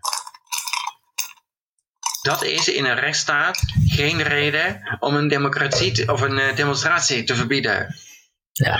Uh, Pegida wordt, en voor zover ik ook, ik heb al die rechtstreekse uitspraken gelezen, omdat we hebben ze meegenomen in een onderzoek naar hoe linksextremisme, rechtsextremisme en jihadisme reageert op de overheid.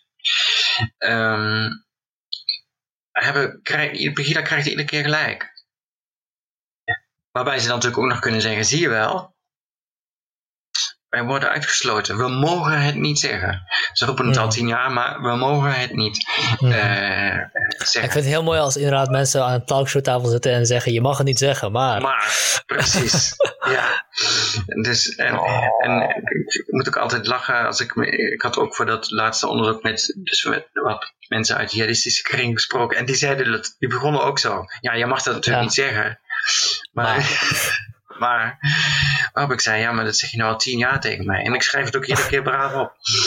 Ehm, dus ja, Ehm, ik bedoel, je moet hun retorische truc zeg maar eh, doorzien, maar ze leggen ook, denk ik, een aantal serieuze kwesties, tekortkomingen bloot.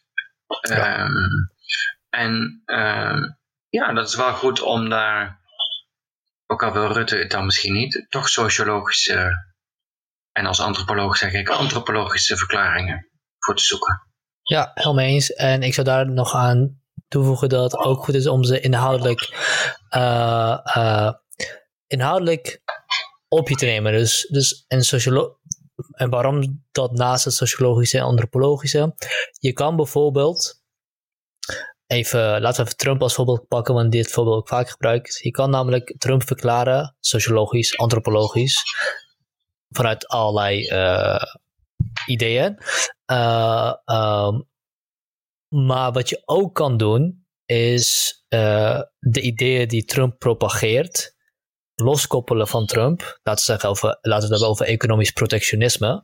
eh, en daar inhoudelijk op verder gaan. Waarom wordt dat economisch protectionisme nou sterker? En kunnen we het op een ideeniveau bespreken en bestrijden en, en, en verslaan? Dat is denk ik het belangrijkste Mhm. ehm, sociologische, antropologische uitleg vertelt je waarom er nou heel veel mensen op Trump stemmen, dan heb je ze begrepen. Maar je hebt, uh, je hebt dan nog, denk ik, de inhoudelijke, laat, ja, laat, laat ik toch maar filosofisch zeggen, uh, uh, dimensie nodig om het ook op de sfeer van de ideeën volledig te kunnen begrijpen. En denk ik ook in een publieke arena te, te, te bevechten. Ja, ja dat, dat denk ik ook. En ook om. Kijk, je hebt er ook, tenminste, dat heb ik. Um, kijk, bij sommige ideeën die mensen hebben en sommige ontwikkelingen denk ik van, oh interessant, boeiend, ga ik me eens even verdiepen. En meer ook niet, ik bedoel, that's it. Ja. En bij anderen dan ga ik inderdaad ook op een ander niveau ze toch verder doordenken van, oké, maar wat betekent dit nou? Wat zou nou de, zoals jij ook eerder zei, de consequenties zijn als deze of gene aan de macht komt. En ze worden misschien radicaler, wat zijn dan de consequenties? En dan een enkele keer denk ik ook van, oké, maar dit is echt niet goed. Dit gaat niet de goede kant. Oh, dus ik, ik weet dat niet iedereen het met me eens is, maar ik vind dat ik vrij terughoudend ben met mijn publiek engagement. ik ben het met je ehm, eens. En, en, tegen anderen zeg ik, ja, maar je kijkt te veel op Twitter en ik twitter te veel. Um, maar um, ja, kijk, dus, dus, bij sommige dingen wel net. Ik heb bijvoorbeeld ook, uh, en ook nu weer, ook, ook uh, duidelijk uitgelaten volgens mij tegen het verbod op gezichtsbedekkende kleding. Omdat ik dat echt een hele nieuwe, zorgwekkende stap vind. Waar, kijk, ik kan me echt van alles voorstellen, ook bij de ideeën die mensen hebben. Um, en zeker ook als mensen uit de tradities komen waarin dat misschien voorkwam of voorkomt. Maar dat je serieus een wet gaat maken voor 200 vrouwen, want dat is het. Mm Die ook, ook in de uitlatingen daarna, dus de PVV met het pleidooi voor het hoofddoekverbod, de VVD uh, met het pleidooi om voor een totaalverbod duidelijk betrekking heeft op specifiek die groep. En nevermind uh, de helmdragers en de bivakmutsdragers. Who cares about them? Uh, ja, behalve zijn bank binnenlopen. Maar dan is er iets anders aan de hand. Um, het gaat om die vrouw. Dat je daar een wet van maakt. En dat in die discussie ook zo nadrukkelijk islam en moslims breed, dus niet alleen hen, maar gewoon breed centraal staat dat is echt nog wel iets anders dan we. Dat is echt een verschuiving in het aantasten van burgerrechten. En daarbij dacht ik toen ook, oké, nu.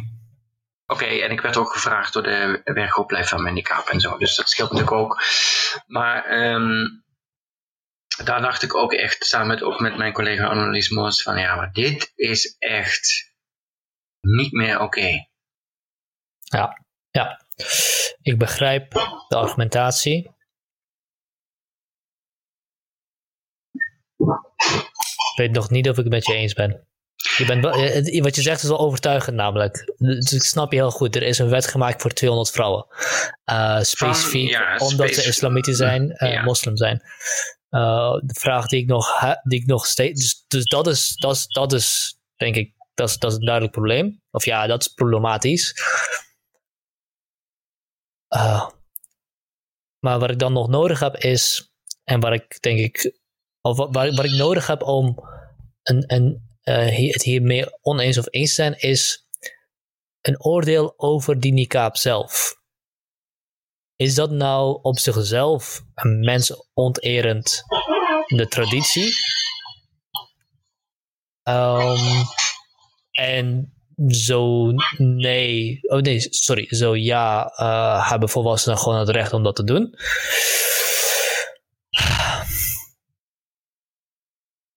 Ja, dat weet ik niet. En ik zou dan weer, ik bedoel, ik, ik snap die overwegingen allemaal. Ik zou dan toch weer terugkomen op de vraag, maar oké. Maar als het dan een mensonterende traditie is, laten we daar even van uitgaan. Dat is, en, ja. en ik bedoel, de vrouwen met wie ik daarover gesproken heb, die zien dat heel duidelijk anders voor de helderheid, maar oké. Ja, ja, ja, ja. Ehm, zelfs als het dat is, is het dan een goed idee om speciaal voor één religieuze groep een wet te maken? Hmm. Dus in dat idee zit ook toch veelal het punt dat het is mensonterend, want vrouw onderdrukkend, vrouw uitwissend, als het ware. Mhm. En dat vind ik echt een heel problematisch punt in die redenering, want dan zeg je, als ik een beetje overdreven maak, Ja, ja, maak hem. Ja, doe het. die vrouw wordt onderdrukt, dus, dus geef ik haar een boete. Dat is een goed punt. Ja, dat is een goed punt. En ehm, dan moet je, en als je het draagt vanwege een man, dan moet je die man beboeten. Maar ja, dan is weer het probleem dat veel van die vrouwen in Nederland die niqab dragen helemaal niet getrouwd zijn. Dus, ehm, en ook geen vader hebben die uit een traditie komt die dat goedkeurt. Ehm, dus, kijk, ik wil niet zeggen dat er, dat er daarbij eh, geen issues zijn. Ik bedoel, ik denk dat iedereen ook die, die nou, ik ben ze ook wel tegengekomen tijdens mijn onderzoek met salafisme, dat bijvoorbeeld ouders daar echt hele grote problemen mee hebben. Of dat er inderdaad in een enkel geval een druk kan zijn vanuit, nou vaak niet zozeer vanuit familie, maar misschien wel vanuit moskee of leskring, waar ze zitten om dat te doen. Maar dan is het toch weer vaak een kwestie van experimenteren. Ehm, maar ja, de, bedoel, het kan inderdaad dat, dat het spanningen oplevert. Ehm, Kijk, eh, het gaat natuurlijk niet om, om het dragen van die niqab. Want als zodra je volwassen bent, heb jij gewoon de keuze en Ja. vrije beschikking om te doen wat je wil. Dus dat, dat, is, dat, is, dat is een goed punt. Eh, waar denk ik mij om gaat, is dat het voortkomt uit een traditie in, een ideologie waarbij, waar we het over hadden, de onfeilbare woord van God en dit is het einde. En als je het niet doet, dan eh, brand je in de hel. En als je het wel doet, dan ben je kuis en puur. Ehm, en dan doe je het goede. Dus daarvan, dan mag je lief hebben en de rest moet je haten. Dat is natuurlijk dat is wat voor mij het problematische is. Eh, ehm, eh, maar ja, wederom, de vraag die stelt is heel sterk, namelijk, is het dan alsnog, als die dingen allemaal waar zijn, is het dan nog steeds verstandig om een wet te gaan maken voor die 200 volwassenen die nu zelf de keuze hebben gemaakt om het te gaan dragen en daar dus alle recht toe hebben. Wat ik, niet, wat ik dus niet wil, is dat, dat die traditie wortel schiet en dat meer kinderen opgroeien in een omgeving waarin dat eh, met dwang of met eh, propaganda of eh, dergelijke groter wordt. Dan is nog steeds de vraag relevant: is het alsnog dan verstandig om daar een wet voor te maken? Ja, ik weet het niet, eerlijk gezegd. ja, nee, kijk, ik zie die afweging eh, ook wel. En, en ook op dat punt denk ik dat het ook weer goed is om te kijken naar context. En Mhm. dus het dragen, wel of niet dragen van een kaap of, of is natuurlijk een ander verhaal in Saudi-Arabië en, en Afghanistan dan in Nederland. Hè. In Nederland gaat het echt om een min- kleine minderheid. Het gaat om een, ook binnen de islamitische gemeenschap redelijk marginale minderheid. Dat is Mhm. ook de reden waarom het zo lang geduurd heeft voordat er wat ook vanuit de islamitische gemeenschap steun kwam voor bijvoorbeeld zo'n werkgroep van mijn kaap. Ehm, zeker vanuit Turks-islamitische eh, organisaties wil men toch hier vaak niet mee geassocieerd eh, worden. Ehm, terwijl natuurlijk hè, vanuit, eh nou, zeg maar uit Saudi-Arabië is er een zekere druk vanuit de staat en vanuit de dominante religieuze instituties eh, om een bepaalde vorm van bedekking eh, te dragen. Dat maakt, en, en, en dat ook gelegitimeerd met allerlei verwijzingen naar wat vrouwen zijn en hoe ze zouden moeten zijn. Dat is echt een serieus ander verhaal, denk ik, dan hier, omdat het hier juist vaak uitgaat van vrouwen die vragen aan imams of weet ik wat, hoe dat dan eh, precies zit. Vaak ook wel op zoek zijn daarbij naar een soort van legitimering. Ehm, ja, en dat maakt toch dat het initiatief. Kijk, ik wil niet zeggen dat er geen vrouwen in Nederland niet, geen druk hebben. Hè? Ik bedoel, dat, Mhm, ze kunnen namelijk goed de vrouwen zijn met wie ik dus, en ook mijn collega's bijvoorbeeld niet spreken. mhm. Ehm, maar bij degene die we wel spreken, gaat het vaak toch wel om vrouwen die zelf het initiatief hebben genomen. Vaak tegen de uitdrukkelijke wens van hun familie. En in veel gevallen ook van de echtgenoot. in. omdat die echtgenoot denkt, ja hallo, als ik met jou over straat loop, dan wie krijgt er agressie over zich heen? Um, dus ook veel echt mannen denken van, hmm, misschien is het wel oké. Ja, het is, is misschien zo goed, maar praktisch gezien niet handig. Ja, ja, um, maar goed, wel, ja, inderdaad, ik uh, kan me er op zich ook wel iets bij uh, voorstellen, maar ik denk dat wij ons, dus mijn, mijn collega en ik, Annelies Moors, kunt zeggen, ja, eigenlijk het, in, het interesseert ons wel wat mensen vinden van een niqab en hoe ze het wel of niet willen tegengaan. Alleen in dit geval is ons standpunt, in het wetgevende geval, is het dat niet het punt. Hmm. Het punt is de aantasting van uh, rechten. Daar zit ook, kijk, en ik snap de discussie wel over het soort van ik denk dat je daar een, wel een sterk punt hebt inderdaad. Het is, het is los van hoe, dat, hoe die traditie tot stand komt, is het een aantasting van, van een burgerrecht. Ja. En natuurlijk toch een vrij forse, hè? een overheid die min of meer voor jou gaat bepalen wat je niet mag dragen. Ja.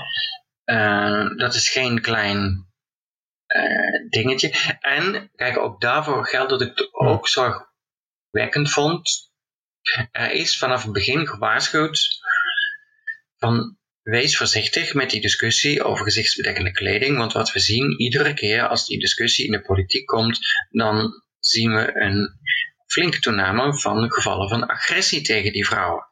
Nou, je kunt best tegen die niqab zijn, maar dan kun je nog wel die vrouwen met rust laten. Uh, op dat punt in ieder geval. Dat zagen we nu uh, ook, en opnieuw bij de invoering ook van het huidige verbod op gezichtsbedekkende kleding. Natuurlijk ook met dank aan uh, het burgerrecht, uh, fameuze burgerrestartikel van uh, Algemeen Dagblad. What were you thinking?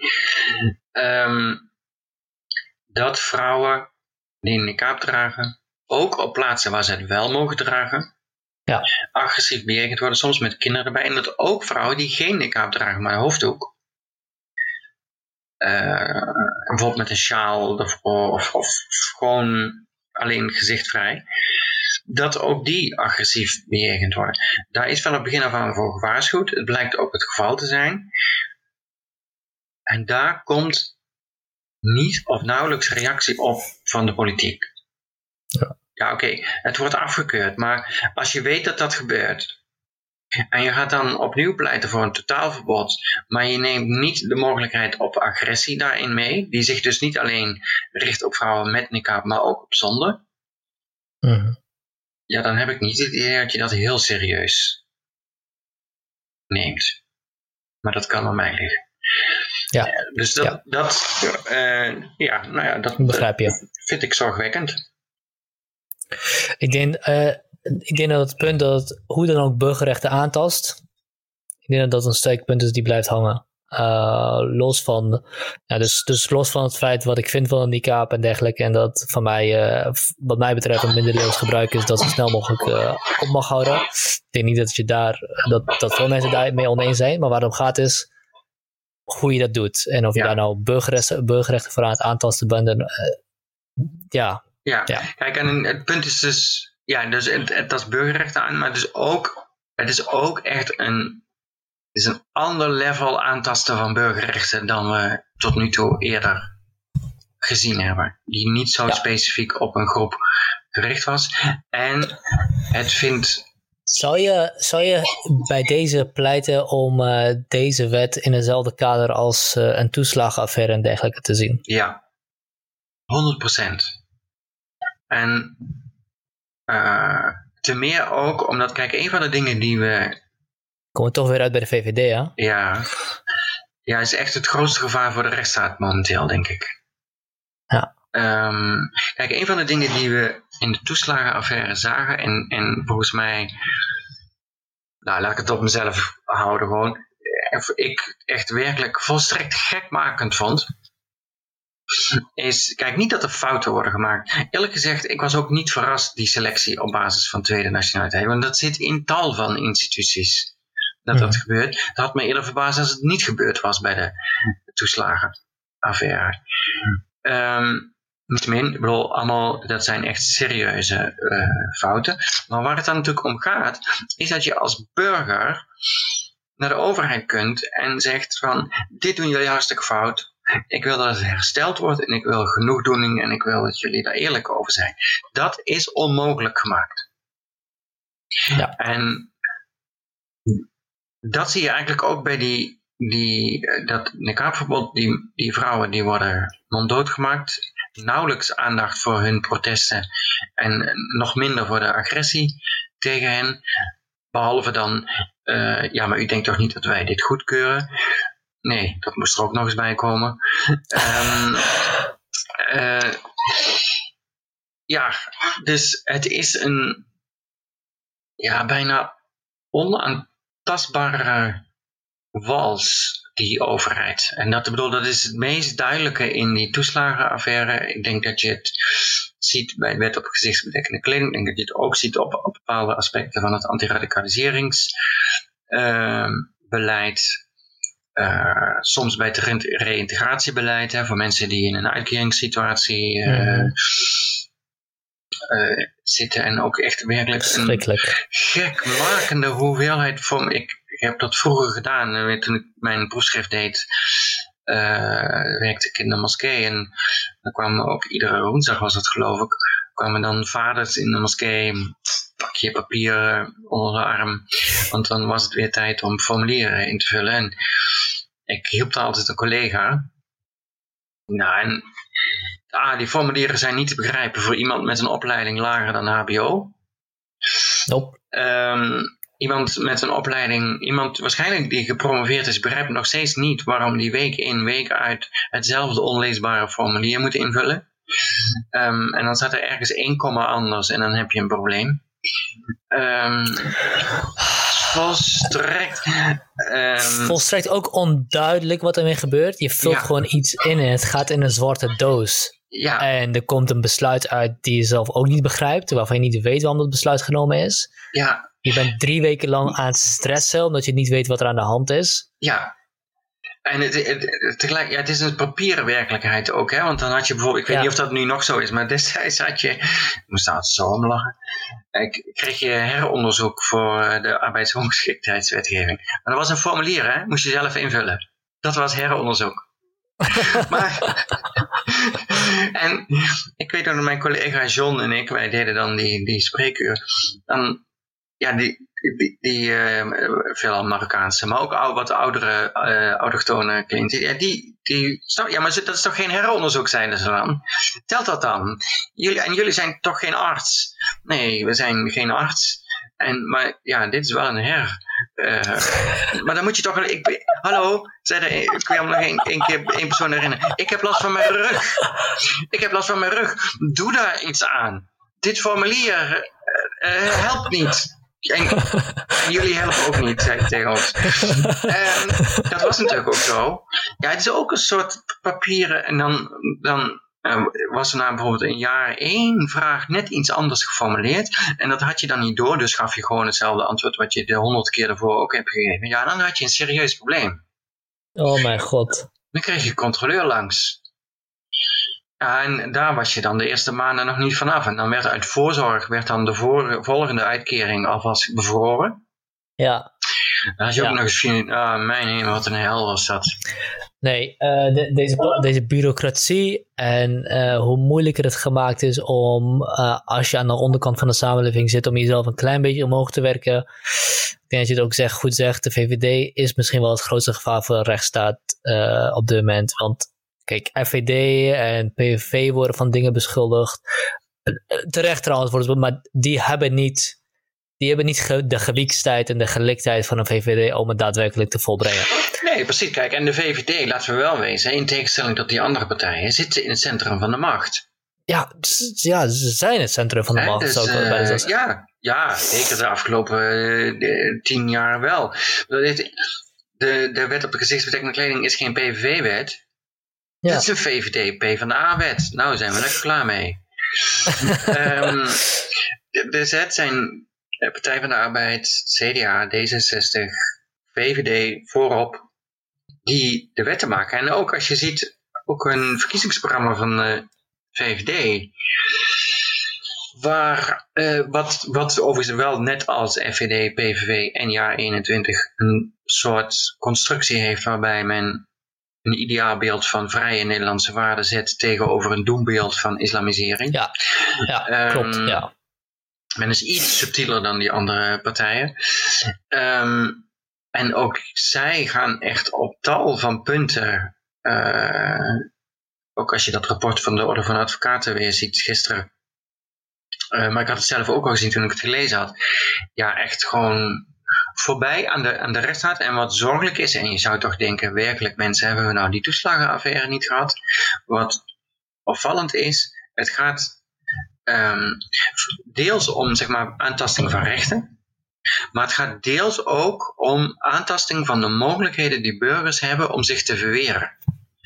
Terwijl dat nou precies is wat er uiteindelijk echt goed fout is gegaan bij de toeslagen. Helemaal mee eens. En nu zie je dat weer bij de VVD. En dan denk ik, ja, je hebt echt gewoon... Ja, of je hebt niks geleerd van de toeslagenaffaire of je baalt gewoon dat de toeslagenaffaire naar buiten is gekomen. Um, want je vindt dat het zo moet. Ja, of je hebt inderdaad een heel duidelijk project die je, al, die je aan het uitvoeren bent. Ja. namelijk het, solid, het solidificeren van de macht van de VVD als centrum van macht binnen, binnen de Nederlandse overheid. Ja. Dat is ongelooflijk. Nou ja. Goed. Hey, uh, we zijn over de drie uur heen. Wauw. Dus uh, dus uh, was een goed gesprek. Ik, ik, vond, ik vond het interessant. Heel interessant. Ik ga nadenken over wat ik van artikel 6 en van wat ik van de niqab verbod vind. Ja. goede punten om over na te denken. Dankjewel. Ja, en ik ga ook nog nadenken over ons gesprek. En zeker ook over wat je vertelde wat jouw vader aan het doen was. Dat vind ik echt machtig interessant. Ik kan je daar wel wat even wat dingen over opsturen. Oh, dat wil ik